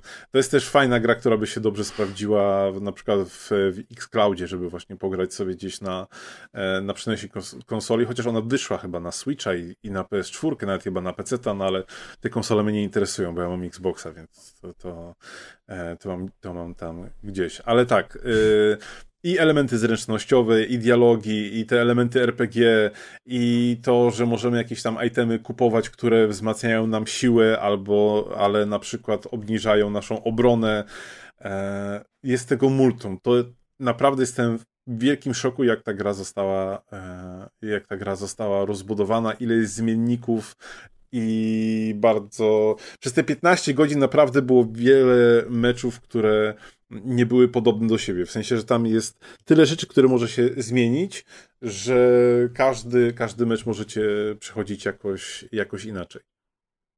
Powiem do Ciebie pytanie, bo powiedziałeś, że lubisz e, takie dziwne połączenia gatunków mhm. gier, a do tego wiem, że zagrywasz się w e, Hadesa. Czy grałeś w poprzednią grę od Supergiant, czyli Pyre? Pyre się pisze? Które jest połączeniem gry RPG i gry sportowej i, i gry fabularnej. Myślę, że powinien się zainteresować tą grą.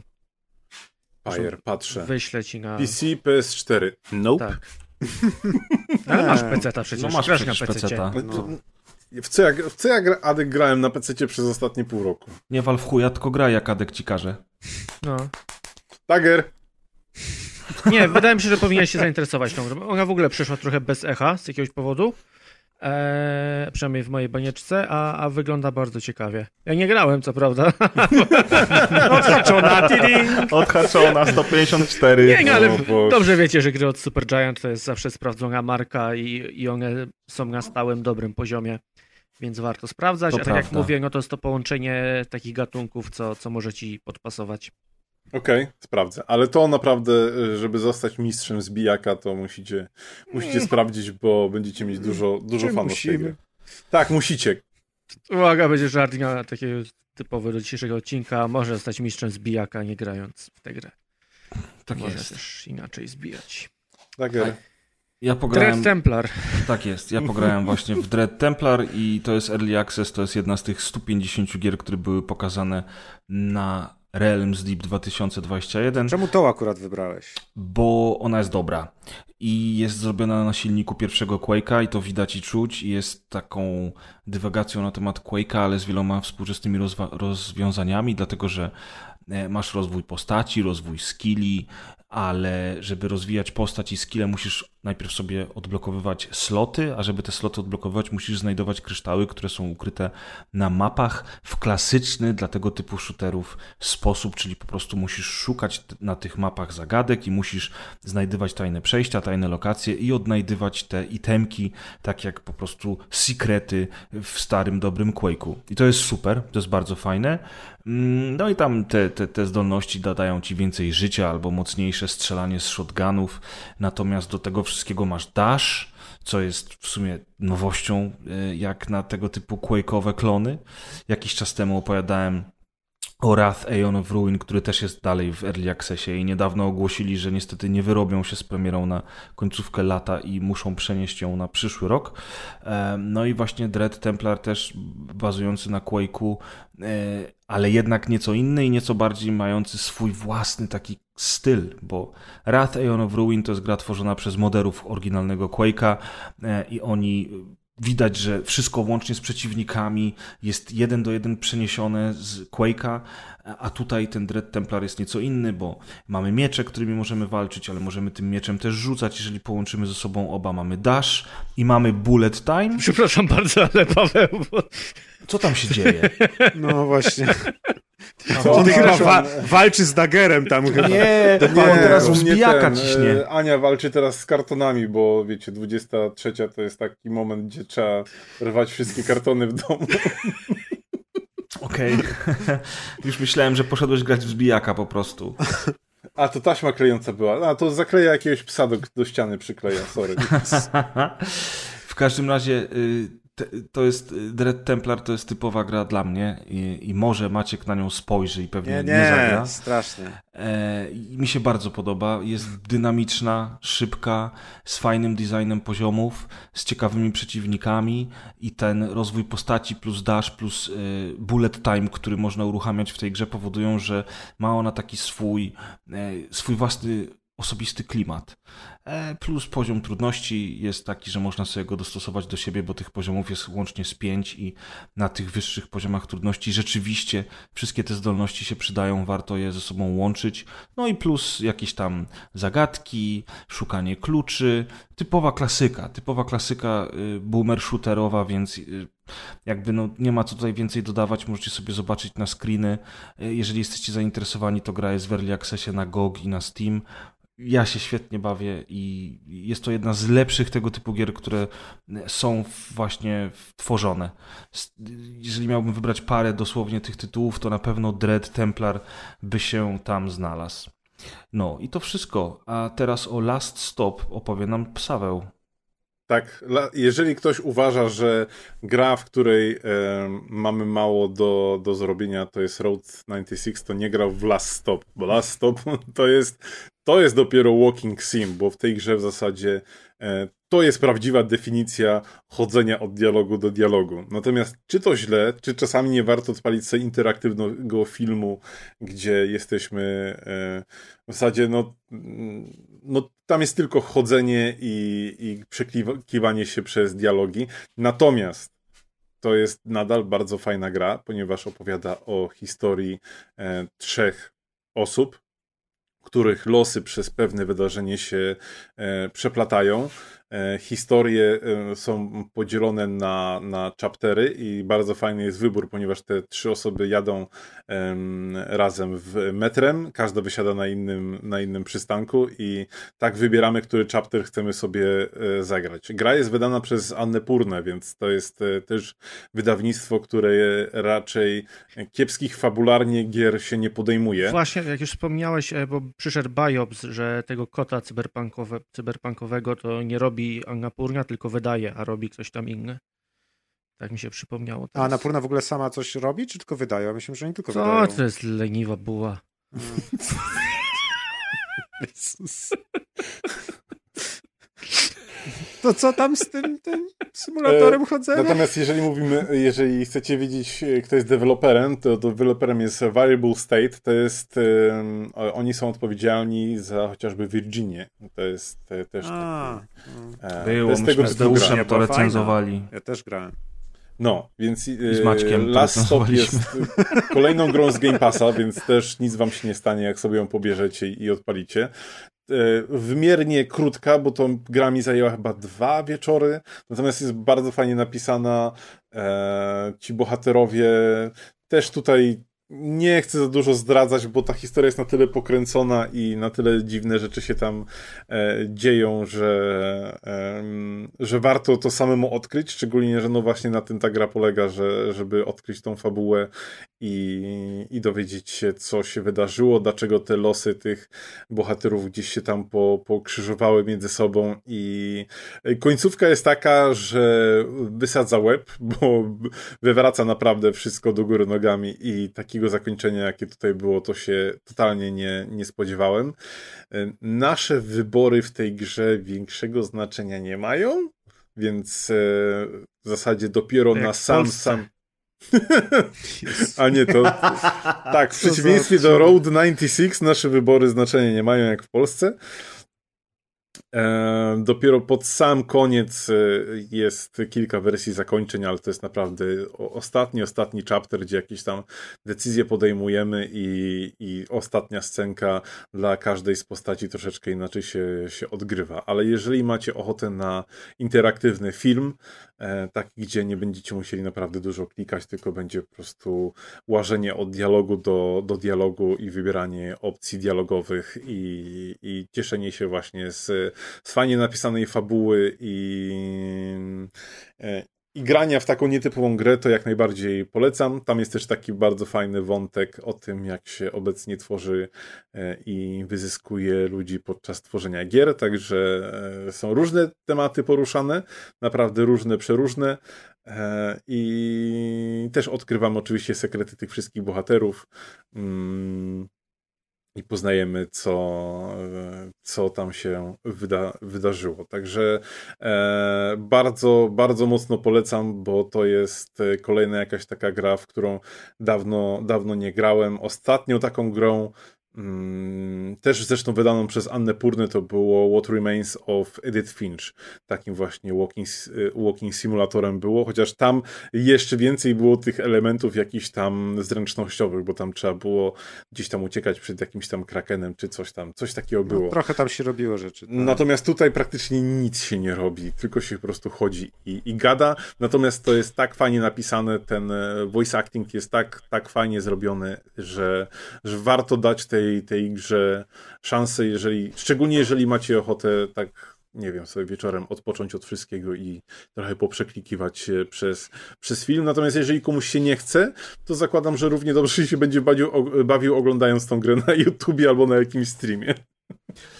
Czyli to jest w Game Passie, mówisz? Tak, tak, ta gra jest w Game Passie. E, też wyszła, wyszła chyba na wszystko, też na, na, na PlayStation, na PC, na, na Switcha i, i na wszystkie te rzeczy. Kosztuje, jest droga, bo ona kosztuje 94 zł i nie wiem, czy za, za takie doznanie byłbym w stanie zapłacić aż tyle, bo to jest jednak gra takie na, na dwa wieczory i nie ma nic, co by sprawiło, żebym chciał do niej wrócić. W sensie odkryłem, co mogłem odkryć, zdobyłem, co mogłem zdobyć i to jest, y, y, i to jest tyle. Ten calak, czy tam, jak to tam, platyna też jest łatwo do zdobycia, więc jeżeli jesteście łowcami achievementów, to też szybko zdobędziecie tutaj tysiąc punktów, więc może to was skusi. Natomiast dla samej fabuły to jest kolejna gra po Road 96, którą mega bardzo polecam, bo fabularnie jest, jest super napisana. No, a Dread Templar w Early Accessie kosztuje tylko 54 zł, to wybór jest wasz. ja oczywiście sprawdzę, bo zainteresowałeś mnie bardzo tą grą, ja lubię takie klimaty jeżeli to jest coś na dwa wieczory, to ja sobie chętnie zagram. A można skipnąć fabułę? tak, znaczy możesz skipnąć. Adek dopisz, 156 zaliczona, lecimy dalej. Wszystko możesz skipnąć. Od razu myślę, że tam w opcjach możesz sobie ten kredyt ten No Alt F4. No. Jak odpalisz Alt F4 na Xboxie, to, to ci przyklasną. Okay. Na, na, koniec kolejna gra, na koniec kolejna gra, która udaje, że jest retro, y, a mianowicie Glitchpunk od polskiego studia, które nazywa się Dark Lord. Y, I Glitchpunk pojawił się niedawno w Early Accessie. Ja ogrywam go akurat na Steamie i to jest cyberpunkowe GTA 2 stworzone w 2021 roku. Dosłownie.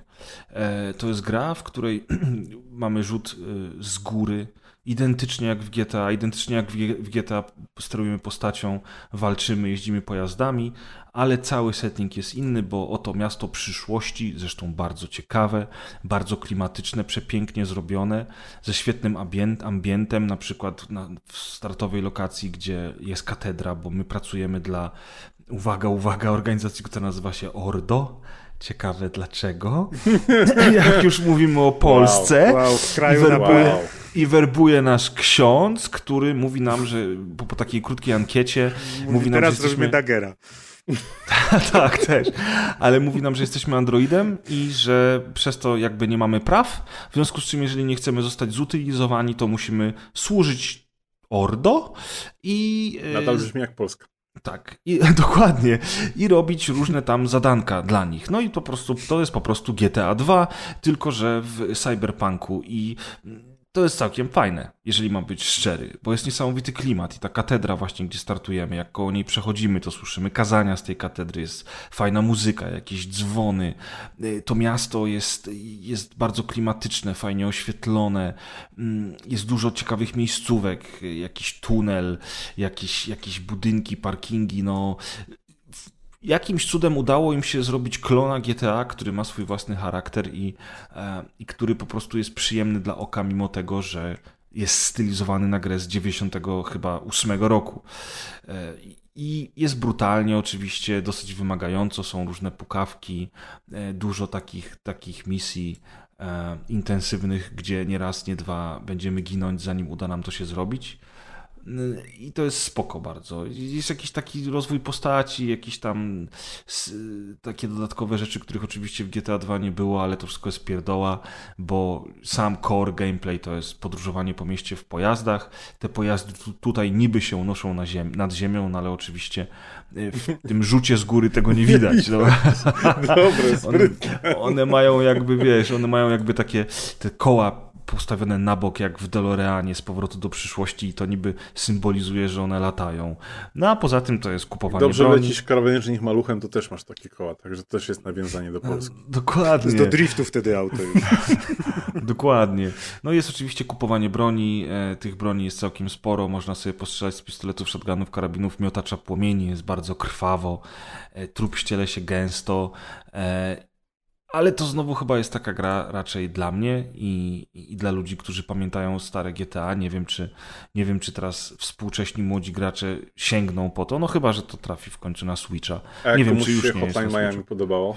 No, no, wiesz co, bo twórcy nawet się chwalą, że to jest taki mix GTA 2 i Hotline Miami, ale to nie jest ja tutaj nie, nie zauważy... ja tu nie zauważyłem zbytnio Hotline Miami. Hotline Miami było taką grą trochę logiczną, w której ty musiałeś zaplanować cały ten ruch przez mhm. no pomieszczenia. No Wiesz, a tutaj no tutaj to jest po prostu GTA 2, no kurczę, tu nawet jakby nie ma co owijać w bawełnę, to jest po prostu GTA 2, łącznie z policją, która ma różne poziomy zaalarmowania i cię będzie ścigać, jeżeli będziesz popełniał przestępstwa. A przestępstwa popełniać musisz, bo zadania, do których cię ten kościół wysyła, to, to, to, to są nielegalne i oni jakby przez to wyko wykorzystują ciebie, żeby... Cały żeby... kościół. No, cały kościół, no. I wiesz, i fajne są, fajne, no, miasto jest fajne, bardzo mi się podoba, mimo tej prostoty graficzki. Zobaczcie sobie gameplay albo jakieś screenshoty. Ale miasto też jest tak duże na przykład jak, jak w GTA 2 było? Wiesz co, to jest early access. A, okej. Okay. E, jest jedna ciężko ulica mi powiedzieć. kościół. Nie, nie, ale ciężko mi powiedzieć, jak, jak duże będzie to, to, to w finale.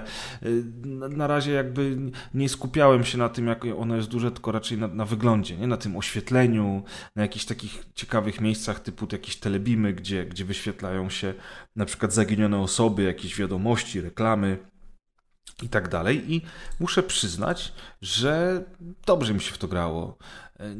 Nie jest to nic wybitnego, ani nic szczególnie odkrywczego, ale jako taki, taki hołd dla GTA, będący jedynie, będący jednocześnie, przepraszam, grą z pomysłem na siebie, to zapowiada się całkiem sympatycznie. Jest gdzieś tam zapowiadane na coś innego niż pecety? Szczerze mówiąc, wcześnie... szczerze mówiąc, to nie wiem. Na pewno przecież wers w wersji Early Access się nie pojawi na konsoli. No, czy na, to wiadomo. Czy na konsoli przenośnej, w związku z czym no, pożyjemy, zobaczymy.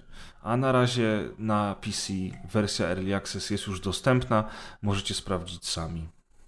Ale widzę, że nawet y, te, ci bohaterowie, jak, jak, jak umrą i leżą na ziemi, to tak układają się w podobny sposób jak w GTA.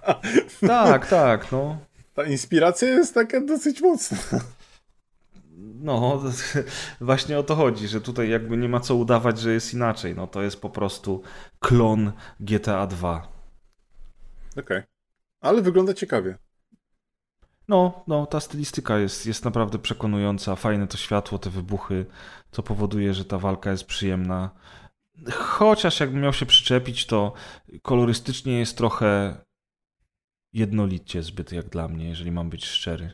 Ale mówię, to jest, to jest early access, więc no, na razie można liznąć temat, a potem zobaczymy, jak to finalnie będzie wyglądało. I to wsiśko to chyba już więcej gier dzisiaj nie mamy. Mamy za to kulturkę, a w kulturce Adek opowie nam o nowym animowanym Wiedźminie, prawda? Tak, The Witcher Nightmare of the Wolf, czyli nowa animacja studia Mir. Eee, to jest reklamowane... W polskiej wersji Koszmalek Pieska. Tak, to jest reklamowane jako anime, ale ja mam zawsze problem z tym, co, czy jeżeli nazywamy każdą animację anime, to czy to jest ok, czy to nie jest ok. No bo jednak anime sugeruje, że, że będziemy mieli ten japoński sznyt i, i w tym kierunku to wszystko pójdzie. Wiesz, czego to się chyba wzięło? Że jakbyś powiedział film animowany, to się automatycznie wszystkim kojarzy z bajką, a mniej więcej jak już powiesz anime, to, to, to jest część osób, która już zacznie łapać, że to może być niekoniecznie dla dzieci. Myślę, że stąd się wzięła ta, ta, ta główna różnica, niestety. No, bardzo możliwe, ale to po prostu są nieuki i, i nie wiedzą, że, że bajka to jest. To, to, to są książki, a nie, nie chodzi o, o, animowane rzeczy. W każdym razie, no to jest z południowej Korei film, więc dlatego z, z tym anime mam problem. E, Studio Mir, nie wiem czy znacie, ale na przykład e, Legend of Korra robili robili tą animację z Doty, z Kipo i, i, dużo, dużo innych. One wszystkie są podobne do siebie i, i jak widzieliście przynajmniej jedną z tych rzeczy, to widzieliście też animację do reszty. E, fabularnie ten Witcher opowiada historię Wesemira, tego jak, jak był młody, jak tam zapoczątkowało się jego życie, jego bycie Wiedźminem. E, nie mam tutaj za dużo do powiedzenia, bo, bo, bo to jest film, który po prostu warto obejrzeć. E, co ciekawe, to nie jest serial, a, a pełnometrażowy film, więc musicie sobie te półtorej godzinki poświęcić. Wolałbym, żeby to był serial, bo, bo jednak trochę gna do przodu i, i nie wszystko jest tak dokładnie wytłumaczone, jakby mogło być. Ale mimo wszystko jest to przyjemne i, i bardzo szybko zawiązuje się intryga. I już od pierwszej sceny mnie, mnie kupiło, bo pierwsza scena jest taka bardzo krwawa, ale też bardzo wiedźminowata.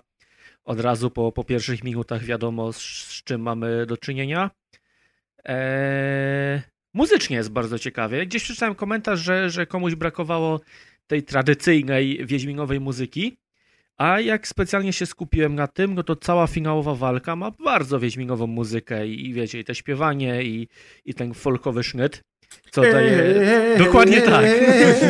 I, i, I, to jest fajne połączenie, z, jak ogląda się anime, no bo przez to, że to jest anime, no to też nasz Wesemir walczy jak w anime i, spokojnie by można było mu jego znaki zamienić na, na jakieś tam kamehame czy inne tego typu rzeczy i nikt by nie zauważył różnicy. A jak do tego leci właśnie śpiewający pres, no to w ogóle już daje ciekawy klimat. Eee, kurczę, no warto obejrzeć. Wydaje mi się, że, że nie ma aż tak dużo dobrych animacji. Do tego dawno nie było nic z Wiedźmina. Na pewno jest lepsze niż serial Wiedźminowaty. Pomimo uh, tego, że, że serial mi się podobał, to tą animację uważam za lepszą. Ale Mocne też teraz... słowa jak na pięciolatkę. Nie jesteśmy w Activision. Dagger, dagger. E... Wow. Wow. I Niesamowite jest to, że Paweł za każdym razem, no jak tutaj jest to, jest, to, zawsze jest zszokowany, nie? To jest Atmosferą, jaką wprowadza. A ja tu chyba aż ściągnę spodnie, wiecie? Ja ściągaj śmiało. E, wydaje mi się, że dzisiaj to było w jakiś top 3 najczęściej oglądanych filmów na Netflixie, z jakiegoś tam śmiesznego rankingu. Nie sprawdzałem konkretnie jakiego, ale według jakiegoś tak. Śmieszny ranking filmów z Netflixa. www.com. Ale też nie ma za dużo dobrych filmów Nazywał się ostatnie filmy obejrzane przez Zatkę. Nie, na Netflixie z reguły te filmy, które tam skakują są raczej średniej jakości, więc miło się zaskoczyłem, że to jest aż tak dobre. Hype Jak ci się podobał ten Wiedźmin, to zobacz sobie koniecznie Castlevania, jeśli jeszcze nie oglądałeś. No mam cały czas w planach, tylko kiedyś oglądałem i się zraziłem trochę i, teraz mi ciężko wrócić jeszcze raz. A wiem, że jest dobra. Castlevania czy Wiedźmin? Nie, Wiedźmin. 83 minuty. Okej. Okay. E, ma lektora i, i dubbing osobno, i napisy osobno, więc dla każdego coś dobrego. Ja oglądałem akurat z lektorem. Wszystko naraz. Nie, z lektorem i, i, bardzo dobra robota. Przyjemnie się to słucha z lektorem. Lubię animacje, jak mają, mają właśnie lektora. Jakoś wtedy łatwiej mi się wczuć w, w klimat. Nie wiem, co A to jeszcze... oglądałeś po koreańsku z lektorem polskim? E, nie wiem, jaki był oryginal. Chyba angielski jest pod spodem. Tak mi się wydaje. Nie wiem, czy jest wersja koreańska w ogóle. E, bo wy nie oglądaliście, tak? Żaden z was? E. Jeszcze nie. No i tacy właśnie współnagrywający. To zobaczcie sobie. Wydaje mi się, że, że powinno się Wam spodobać. Jeżeli tylko nie jesteście psychofanami e, Wiedźmina, to, to powinniście być zadowoleni. I tyle ode mnie. Fajnie, dzięki. Chętnie też obejrzę. To dzisiaj poleci, poleciliście mi dzisiaj Last Stop i tego Witchera, także na pewno chętnie e, się tym tematom przyjrzę. Powiedzcie mi, czemu usuwamy z rozpiski teraz dopisek, że coś jest w Early Access? E, no bo to później wskakuje do, do RSS-ów i do tytułu na stronie do rozpiski, a tego nie dajemy w rozpisce. Czyli co, nie będziemy już nigdy w rozpisce pisali, że coś jest Early Access albo demo? No. No dobra. A kto, a kto tak postanowił? Adek teraz. No właśnie tak, dlatego się zastanawiam. Nie, no, ale bo przecież zawsze usuwaliśmy. Nie, nie, nie dawaliśmy kwadratowych nawiasów, bo to ci psuło RSS-a. Tak. Ale pisaliśmy, że to jest demo no albo early no access. Dawaliśmy te nawiasy takie z wąsikiem. No to może nie wolno A. nawiasu z wąsikiem też. Żadnych takich znaków specjalnych nie Ja zobaczę, jak na rozpisce w jakimś odcinku, gdzie był jakiś early access, mieliśmy okay. napisane i to po prostu napiszę to potem. Nie, no to nie, spoko, po prostu chodzi o to, żeby pamiętać, że w takiej wersji, jak jest teraz w rozpisce, w takiej to będzie później na stronie. No ja wiem, wiem, wiem, dlatego po prostu się pytam. Jak się już jest skryptu Atka na przykład, to będzie pełno wyrazów na K. A se kliknę. A se kliknę. Quake, kurwa, powraca. Słuchajcie, to ja wam tylko powiem na koniec, że y, jakby szukając znowu jakiejś gry, która trochę mnie zachwyci, no oczywiście poza tym VR-em, który był dla mnie całkiem przyjemnym doświadczeniem ponownie, ale myślę, że jeszcze spokojnie do świąt poczekam z zakupem, y, to zauważyłem, że wyszedł ten Skyward Sword HD, remaster Zeldy sprzed 10 lat. I tak obejrzałem sobie parę recenzji i okazało się, kurczę, to chyba jest gra dla mnie teraz na ten moment, żeby mógł, żebym mógł powiedzieć e, Prez lubi hentajce, czy też tam What? anime. No taki jest na końcu jeden z, jeden ze sponsorów Maćkowych. Dagger, ma taki tekst i Maciek go zawsze w outrze puszcza. W związku z czym pomyślałem sobie, kurczę, to chyba jest taka gra, która mnie wciągnie, bo Breath of the Wild mnie tak wciągnęło i teraz patrzę, że w sumie ten Skyward Sword to jest bardzo podobny, bo i przeciwnicy podobni, tak no też Zelda, nie? I, i pożyczyłem... Tak, Uprawa pożyczyłem sobie, u, wszystko jest. Pożyczyłem sobie od, tym razem od Szokiza Switcha, bo Atkowi już oddałem Switcha. Pożyczyłem sobie teraz Switcha od Szokiza i święty Łukasz pożyczył mi tą figurkę, co w ogóle jest kurwa skandaliczne i Nintendo się powinno za to jebać kurwa maczetami, że musisz kupić figurkę Amiibo za 20 dolarów, żeby móc w grze mieć e, fast travel. To jest po prostu, to jest kurwa żart, nie? No ale Łukasz miał tą figurkę, więc mi ją pożyczył, więc mam teraz Switcha i kupiłem sobie w, w pudełku e, ten właśnie Skyward Sword, więc Adek albo Psaweł, jak chcecie kupić potem ode mnie używkę, to tylko po to to mówię. Tylko narkotyki. Bo jak przejdę i oddam Switcha, no to co z tą grą zrobię? E, żart, żartuję oczywiście, ale mega się cieszę. Powiem wam szczerze, że ani ten, ani ten Aliens Fireteam Elite, ani ten King's Bounty 2, ani Psychonauts 2 mnie tak nie jara, jak myśl, że teraz jak oddam projekt i będę miał trochę więcej czasu, to zasiądę sobie do, tego, do tej Zeldy, bo, bo po prostu wygląda fajnie i jestem ciekaw, czy się wciągnę, czy nie. Tak chciałem się z wami podzielić tą wiadomością. Aż sobie naplułem na monitor z tej radości. No. Jezus, ma. tak jak Activision pluje na prawa ludzi. Dagger. Pracowników. Hmm. Ja nie mam żadnej takiej gry, ja nie lubię grać, już nie chcę mi się grać. Do ja czekam na Lake. Z najbliższych premier, które się Lake? zaraz pojawią. Tak, Lake. Czyli symulator listonosza. A, słyszałem o tym. To chyba nawet u ciebie na Twitterze o, czytałem. Tak. Rzeczywiście. Ślicznie wyglądająca gra o, o tym, że e, dwa tygodnie będziemy pracować gdzieś tam w jakiejś wiosce, rozwozić e, listy i poznawać historię bohaterów. I po prostu w tym roku tyle gier wychodzi z takich właśnie mocnym e, e naciskiem na fabułę i takich spokojnych, e, bez konieczności. No bo wizualnie też wygląda, czy jak to Road 96, Dokładnie. czy jak ten Last Stop trochę. Ja mogę cały czas takiej gry grać. To jest coś po prostu, co mnie relaksuje, sprawia mi Friday i... A to... E... A ja, a ja grałem, bo mam Season Passa do Valhalla i grałem w ten dodatek o Paryżu, co wyszedł nowy. I jak po dwa dni pograłem i go przyszedłem, to y, właśnie też stwierdziłem, że gry to jest takie marnotrawstwo czasu, że ja pierdolę. E, I że zmarno... I że po co w ogóle grać w gry? Ja nie wiem już. To jest wow, ja mogę o tym pogadać z Maćkiem. To jest to pra prawda. Lepiej no. wyjść z domu, coś porobić. Ja w te wakacje byłem i na kajakach, i na ściance, i byłem też na tej ściance na bulderach, i w escape roomie. Ale I to, że ty dopiero. OCR, i, w to, że ty dopiero teraz odkryłeś. Adek, to, że ty dopiero odkryłeś teraz, że fajnie jest wychodzić z domu, to wiesz, nie znaczy, że inni ludzie tak mają. No. Nie wszyscy siedzą tylko Powiedział i ten, co do niedawna jeszcze w ogóle domu nie miał. No, nawet. I pojechał do Niemiec pograć w gry. O, na wiarze z kolegą w ciemnym pokoju posiedzieć. Dager. O Jezus, ale to była piękna riposta. Oj. Bo Adek jest piękny. Więc tak, tak, dziękuję.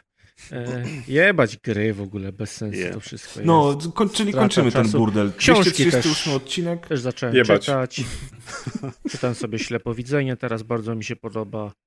Zacząłem oglądać e, na Netflixie The Circle. Widziałem już dwa sezony. E, amerykański i brazylijski, bardzo polecam. E, Love is Blind też obejrzałem jeden sezon, też bardzo polecam. Co jeszcze obejrzałem? A ja obejrzałem Raw, czyli po polsku to jest, nie wiem, tam surowy, czy Mięso z 2016 roku. Super film. O mięsie? Polecam bardzo. E, no, trochę tak. Brzmi jak horror taki krwawy. Trochę taki horror, trochę taki. Czy to, ba czy, bardzo czy, film o część... taki coming of age, y, o studentce pierwszego roku. A, myślałem, że to jest pierwsza część nocnego pociągu z mięsem. Nie, nie, nie, nie, nie. O studentka, okay. Dla wszystkich studentów tego, y, co się zwierzętami opiekują. Weterynarii, o, to polecam film, bardzo fajny. Bardzo. Okej. Okay. Ja wolę sobie poprawiać humor, bo rzeczywistość jest często smutna, więc na Netflixie teraz oglądam Somebody Feed Phil, czyli o scenarzyście Seinfelda, który jeździ po całym świecie i Stanach Zjednoczonych i próbuje różnych fajnych smakołyków. Ale faktycznie... A, to, to jeszcze na ten. Na YouTubie zacząłem oglądać Uncle Roger. O Jezu, Uncle Roger jest wspaniały. Tak, i się tak kręciłem i, i, oglądam już chyba wszystko o gotowaniu od niego. Ja, Uncle Roger. A, to ten, ja, to ten jest dobry. Ja. Ten jest dobry. A ja oglądam, a ja oglądam kanał na YouTubie Night Ride y, o kolesiach z... Y, nawet nie wiem, czy oni ze Śląska nie są i tuningują samochody w japońskim stylu i driftują i w ogóle fajne vlogi mają. Też polecam. Ja sobie kupiłem całą kolekcję y, tego z Fast and Furious w 4K i zamierzam obejrzeć od początku. No, z, fast. fast. o nie. Z Fast. Z Fast and Furious Minecraft. Jak to się rysuje? W którą? W prawo czy w lewo są ramiona? Z Fast and Furious 88. German Drift. Die Familie! Blitzkrieg Drift. Blitzkrieg Drift i familia. Swastet. Koniec. Oni się ścigają Messerschmittami. Oj, żarty z Hitlera zawsze na propsie. I jest y, ten... Paweł. Dominik... Nie, pan Do, Dominik... Nie, nie, nie wiem jak zniemczyć to nazwisko. Jest łysy, ale ma wąsa. Dominik Turetto. Hitlera. To po niemiecku brzmi. Jezus. Jak ten Dominik Turetto nie mówi for family, tylko for fuck! for familię! Teraz jak generał Italia żeś zabrzmiał. To opowiadałem dzisiaj ten suchar już y, na poprzednim podcaście, ale teraz też opowiem. Usłyszałem dwa dni temu piękny suchar, którego nie umiem powtórzyć tak, żeby był śmieszny, ale spróbuję. Jak właśnie ludzie chorzy, chorzy na Tureta spotykają się na wiecu i przewodniczący mówi y, czego chcemy? Lekarstwa na Tureta. Kiedy go chcemy? Chuj!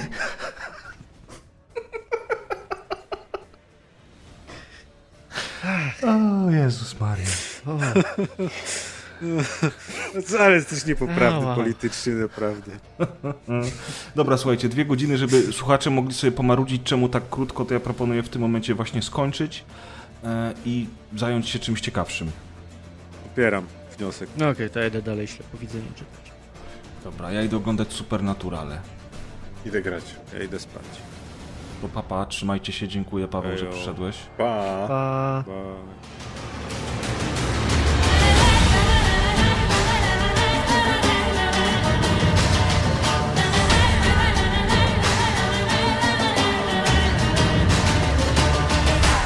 No. Ta rozmowa. Po prostu synchronizowały nam się okresy, a nie rozmawialiśmy od wielu dni, więc to jest e, znak. Mamy dwa tygodnie narzekania do... do nadrobienia, kurwa. Ja pierdolę. O, psaweł chce poprawiać na psawoł w tym Czyli rozpisce. chce dodać wo woła do tego psa woł, jeszcze. tak. Psaweł Psa woły. Co? No. To chcę poprawiać? Nic, no. nic, nic. Ale będziecie mieli dyskusję dzisiaj z prezem. na tyle tematów. Adek, musimy sobie coś wymyślić do roboty na te trzy godziny, bo zdechnę. Ja już zastanawiałem się, co chciałem poczytać, ale kurde, nie mogę to, się skupić. To skasuję zaraz ten. Podcast? Podcast. No w końcu!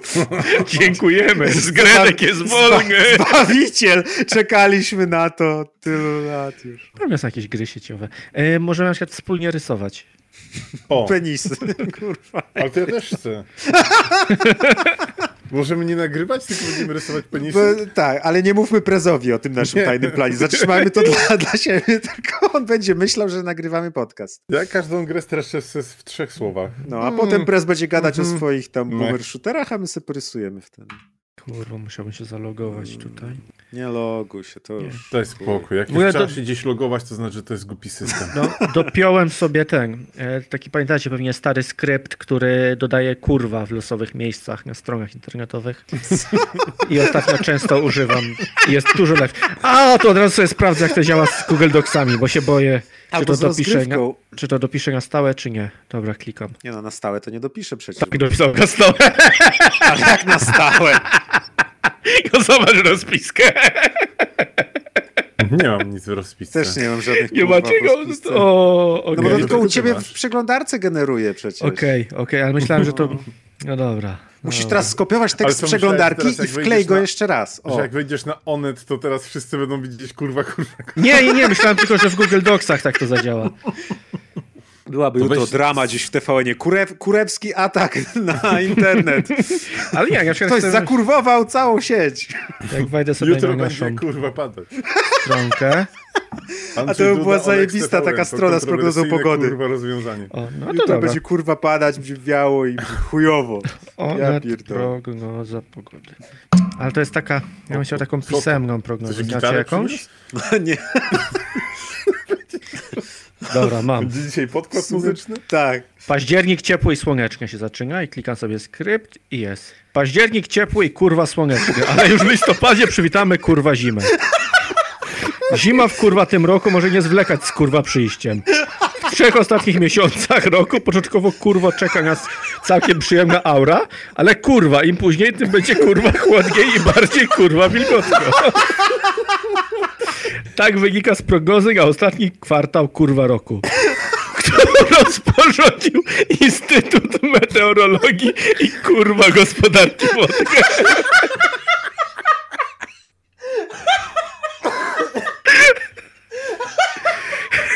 To Więcej takich historii na wszystkich nowych komputerach. znajdziesz na stronie głównej onet- onet.pl kurwa. O Jezu. O, to jest poprawiacz humoru. Prognoza Idealny. kurwa smogowa.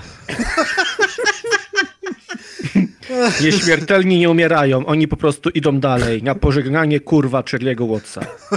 Jezus. Tak średnio. Autowanie zmarłych osób wymaga kurwa taktu. Jezus. Te miejsca, kurwa, widmo chroni tajemnica, kurwa. Zostały wymazane z map, kurwa. Znać piłkarze, kurwa, bez zatrudnienia. Mówili, że formuła się, kurwa, wyczerpała. Prosił o jedną, kurwa, rzecz.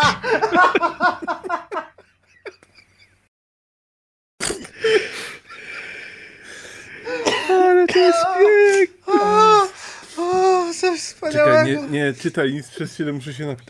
O Jezu. Kurwa napić.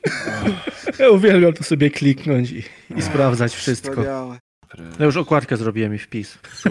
A nie zmontowałeś przypadkiem odcinka? Nie. Kurde. Ja świeczkę miałem zapaloną przez całe nagrywanie. To dla nas. A dla, dla pleców preza. Nie, lubię świeczki. Dla demokracji w Polsce chyba. Lubię świeczki. No, lubię świeczki, polubiłem świeczki. Ja też lubię świeczki. Adek. Z- Załóżcie klub wielbicieli Znaczy, ostatnio świeczek. zastanawiam się, czy Dagger. sobie sojowych nie kupić. No pewnie, a co ty, mięsne używasz? No Co to jest? niestety. 2015? Mięsne świeczki palili? Niestety mam mięską. No. Mięsna Czy w Fast świeczka. Oj, oj, oj. Fast and Furious samochody są na gaz? Ale z Fast and Furious. O Jezus Maria, Paweł, kurwa. I mamy intro. I skrzynia biegów z fastykę idzie, tak? Tak. z- O Jezus. Ej, na pewno taka jest. Spastika, Gearbox. I jutro rano policja u Maćka w domu. No kurwa, raczej. Z zamówieniem. Maciek, idźcie, idź spać już, bo o szóstej będziesz miał pobudkę jutro. Tylko wam tu wyślę jeszcze, a nie, o cholera. A jak se wpiszecie, sami se wpiszcie Ja nie Gearbox. Zarąbista jest. Ale to ma Wyślij. cztery biegi tylko. Słabo. No nie, bo jeden jest wsteczny, to trzy. Gdzie mam wrzucić link do ten, do audio? Nigdzie, przecież to się nie, Nigdzie. nie, nie A, wrzucamy dobra, tego. Pojebać. Okładka jest w ogóle w tym już. Wrzuciłem na dole rozpiski i taka będzie też jest we wpisie. Ale Bardzo się ładna. napracowałeś? Przepraszam, że cię nie doceniam, ale ja pierdolę. Jak oni cię zatrudnili gdziekolwiek. Ale Jakie ja ma pan kwalifikacje? No takie. A, no dobra, weźmiemy pana na okres próby. Ale liczy się pomysł. No i najpierw wpisałem całe rozgrywka, ale później zobaczyłem, że jest takie malutkie i że road ma cztery litery, że gry ma cztery litery. Żygry. Teraz Czekamy. idę sprawdzić, bo do jutra jest beta tego, tych ludzi, co jeżdżą z górki i się zabijają. A, Riders of Republic. U, u, u, u tego, aha. A do jutra w sensie jeszcze 50 minut, czy? Nie, chyba jeszcze y, całą środę. A, to W sensie- się sprawdzę. 25 A to nie jest za kodem? No jest za kodem. A, No, to, to- sobie nie sprawdzę. A A nie masz chcę- zaproszeń? Mam zaproszenia. No Chcecie? Jezus, ja muszę was zgadywać. Ja wiem, jak to działa. U mnie kiedyś to się wkładało dyskietkę i się grało, a teraz jakieś beta, zaproszenie, coś tam. Jak ta gra się nazywała? Riders of Republic. Bez off chyba. Riders Republic. Riders Republic po prostu. I co teraz? Twoja rejestracja będzie została przesłana, jeśli zostaniesz wybrany, a wiedzisz, czyli to jeszcze tak, to jest niepewne. Tak, ale to ja chcę to od Pawła. Ja też chcę to od Pawła, a nie od Ubisoftu. No. Znajomy zaprasza cię do gry w becie. Podpisz NDA, mam oddać duszę. Dupę. Oddam Dupę, a to jest literówka. Nawet duszę. I dołącz do... No dobra, podpiszę się. Twoje mm. zgłoszenie do wersji beta gry Riders na Xbox Series X zostało przyjęte. No! Czyli z góry za ten zakłada konsolę. No! To Paweł, podeślij mi Xbox Series X jeszcze. No trudno, wcale może mi nie zależało. Może jeszcze przyjdzie ten drugi kodzik. Jebać Riders Republic i Ubisofta. I ja, ja, nie możesz tak mówić, już podpisałeś NDA. o oh, fuck, cwaniaki. Tu ma takie majtasy w kropki. A tu A, jest to... pies przyklejony taśmą do ściany. Sorry za ten dźwięk. Nie, nie, nie, nie spodziewałem się, że to aż tak słychać. To było masakryczne. Taka cisza nagle. Ale takie jedno, tak, drugie. drugie. Dobra, przejdzie zaraz. Przejdzie, przejdzie. Potem ta, i nagle tak.